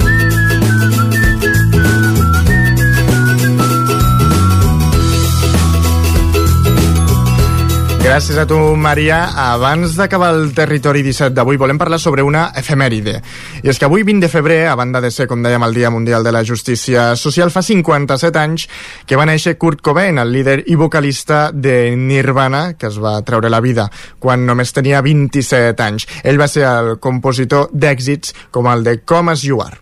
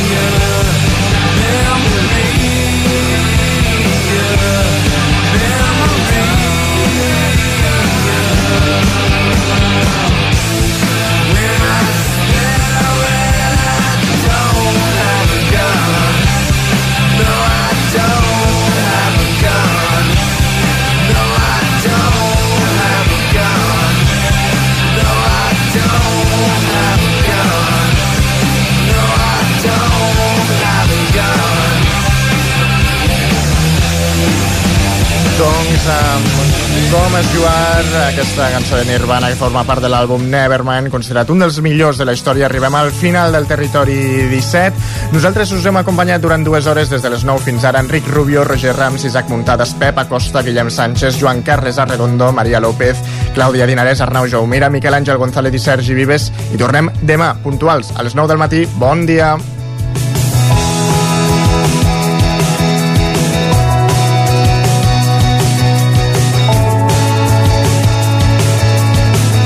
Territori 17, un magazín del nou FM, Ona Codinenca, Ràdio Cardedeu, Ràdio Vic i La Veu de Sant Joan, amb el suport de la xarxa.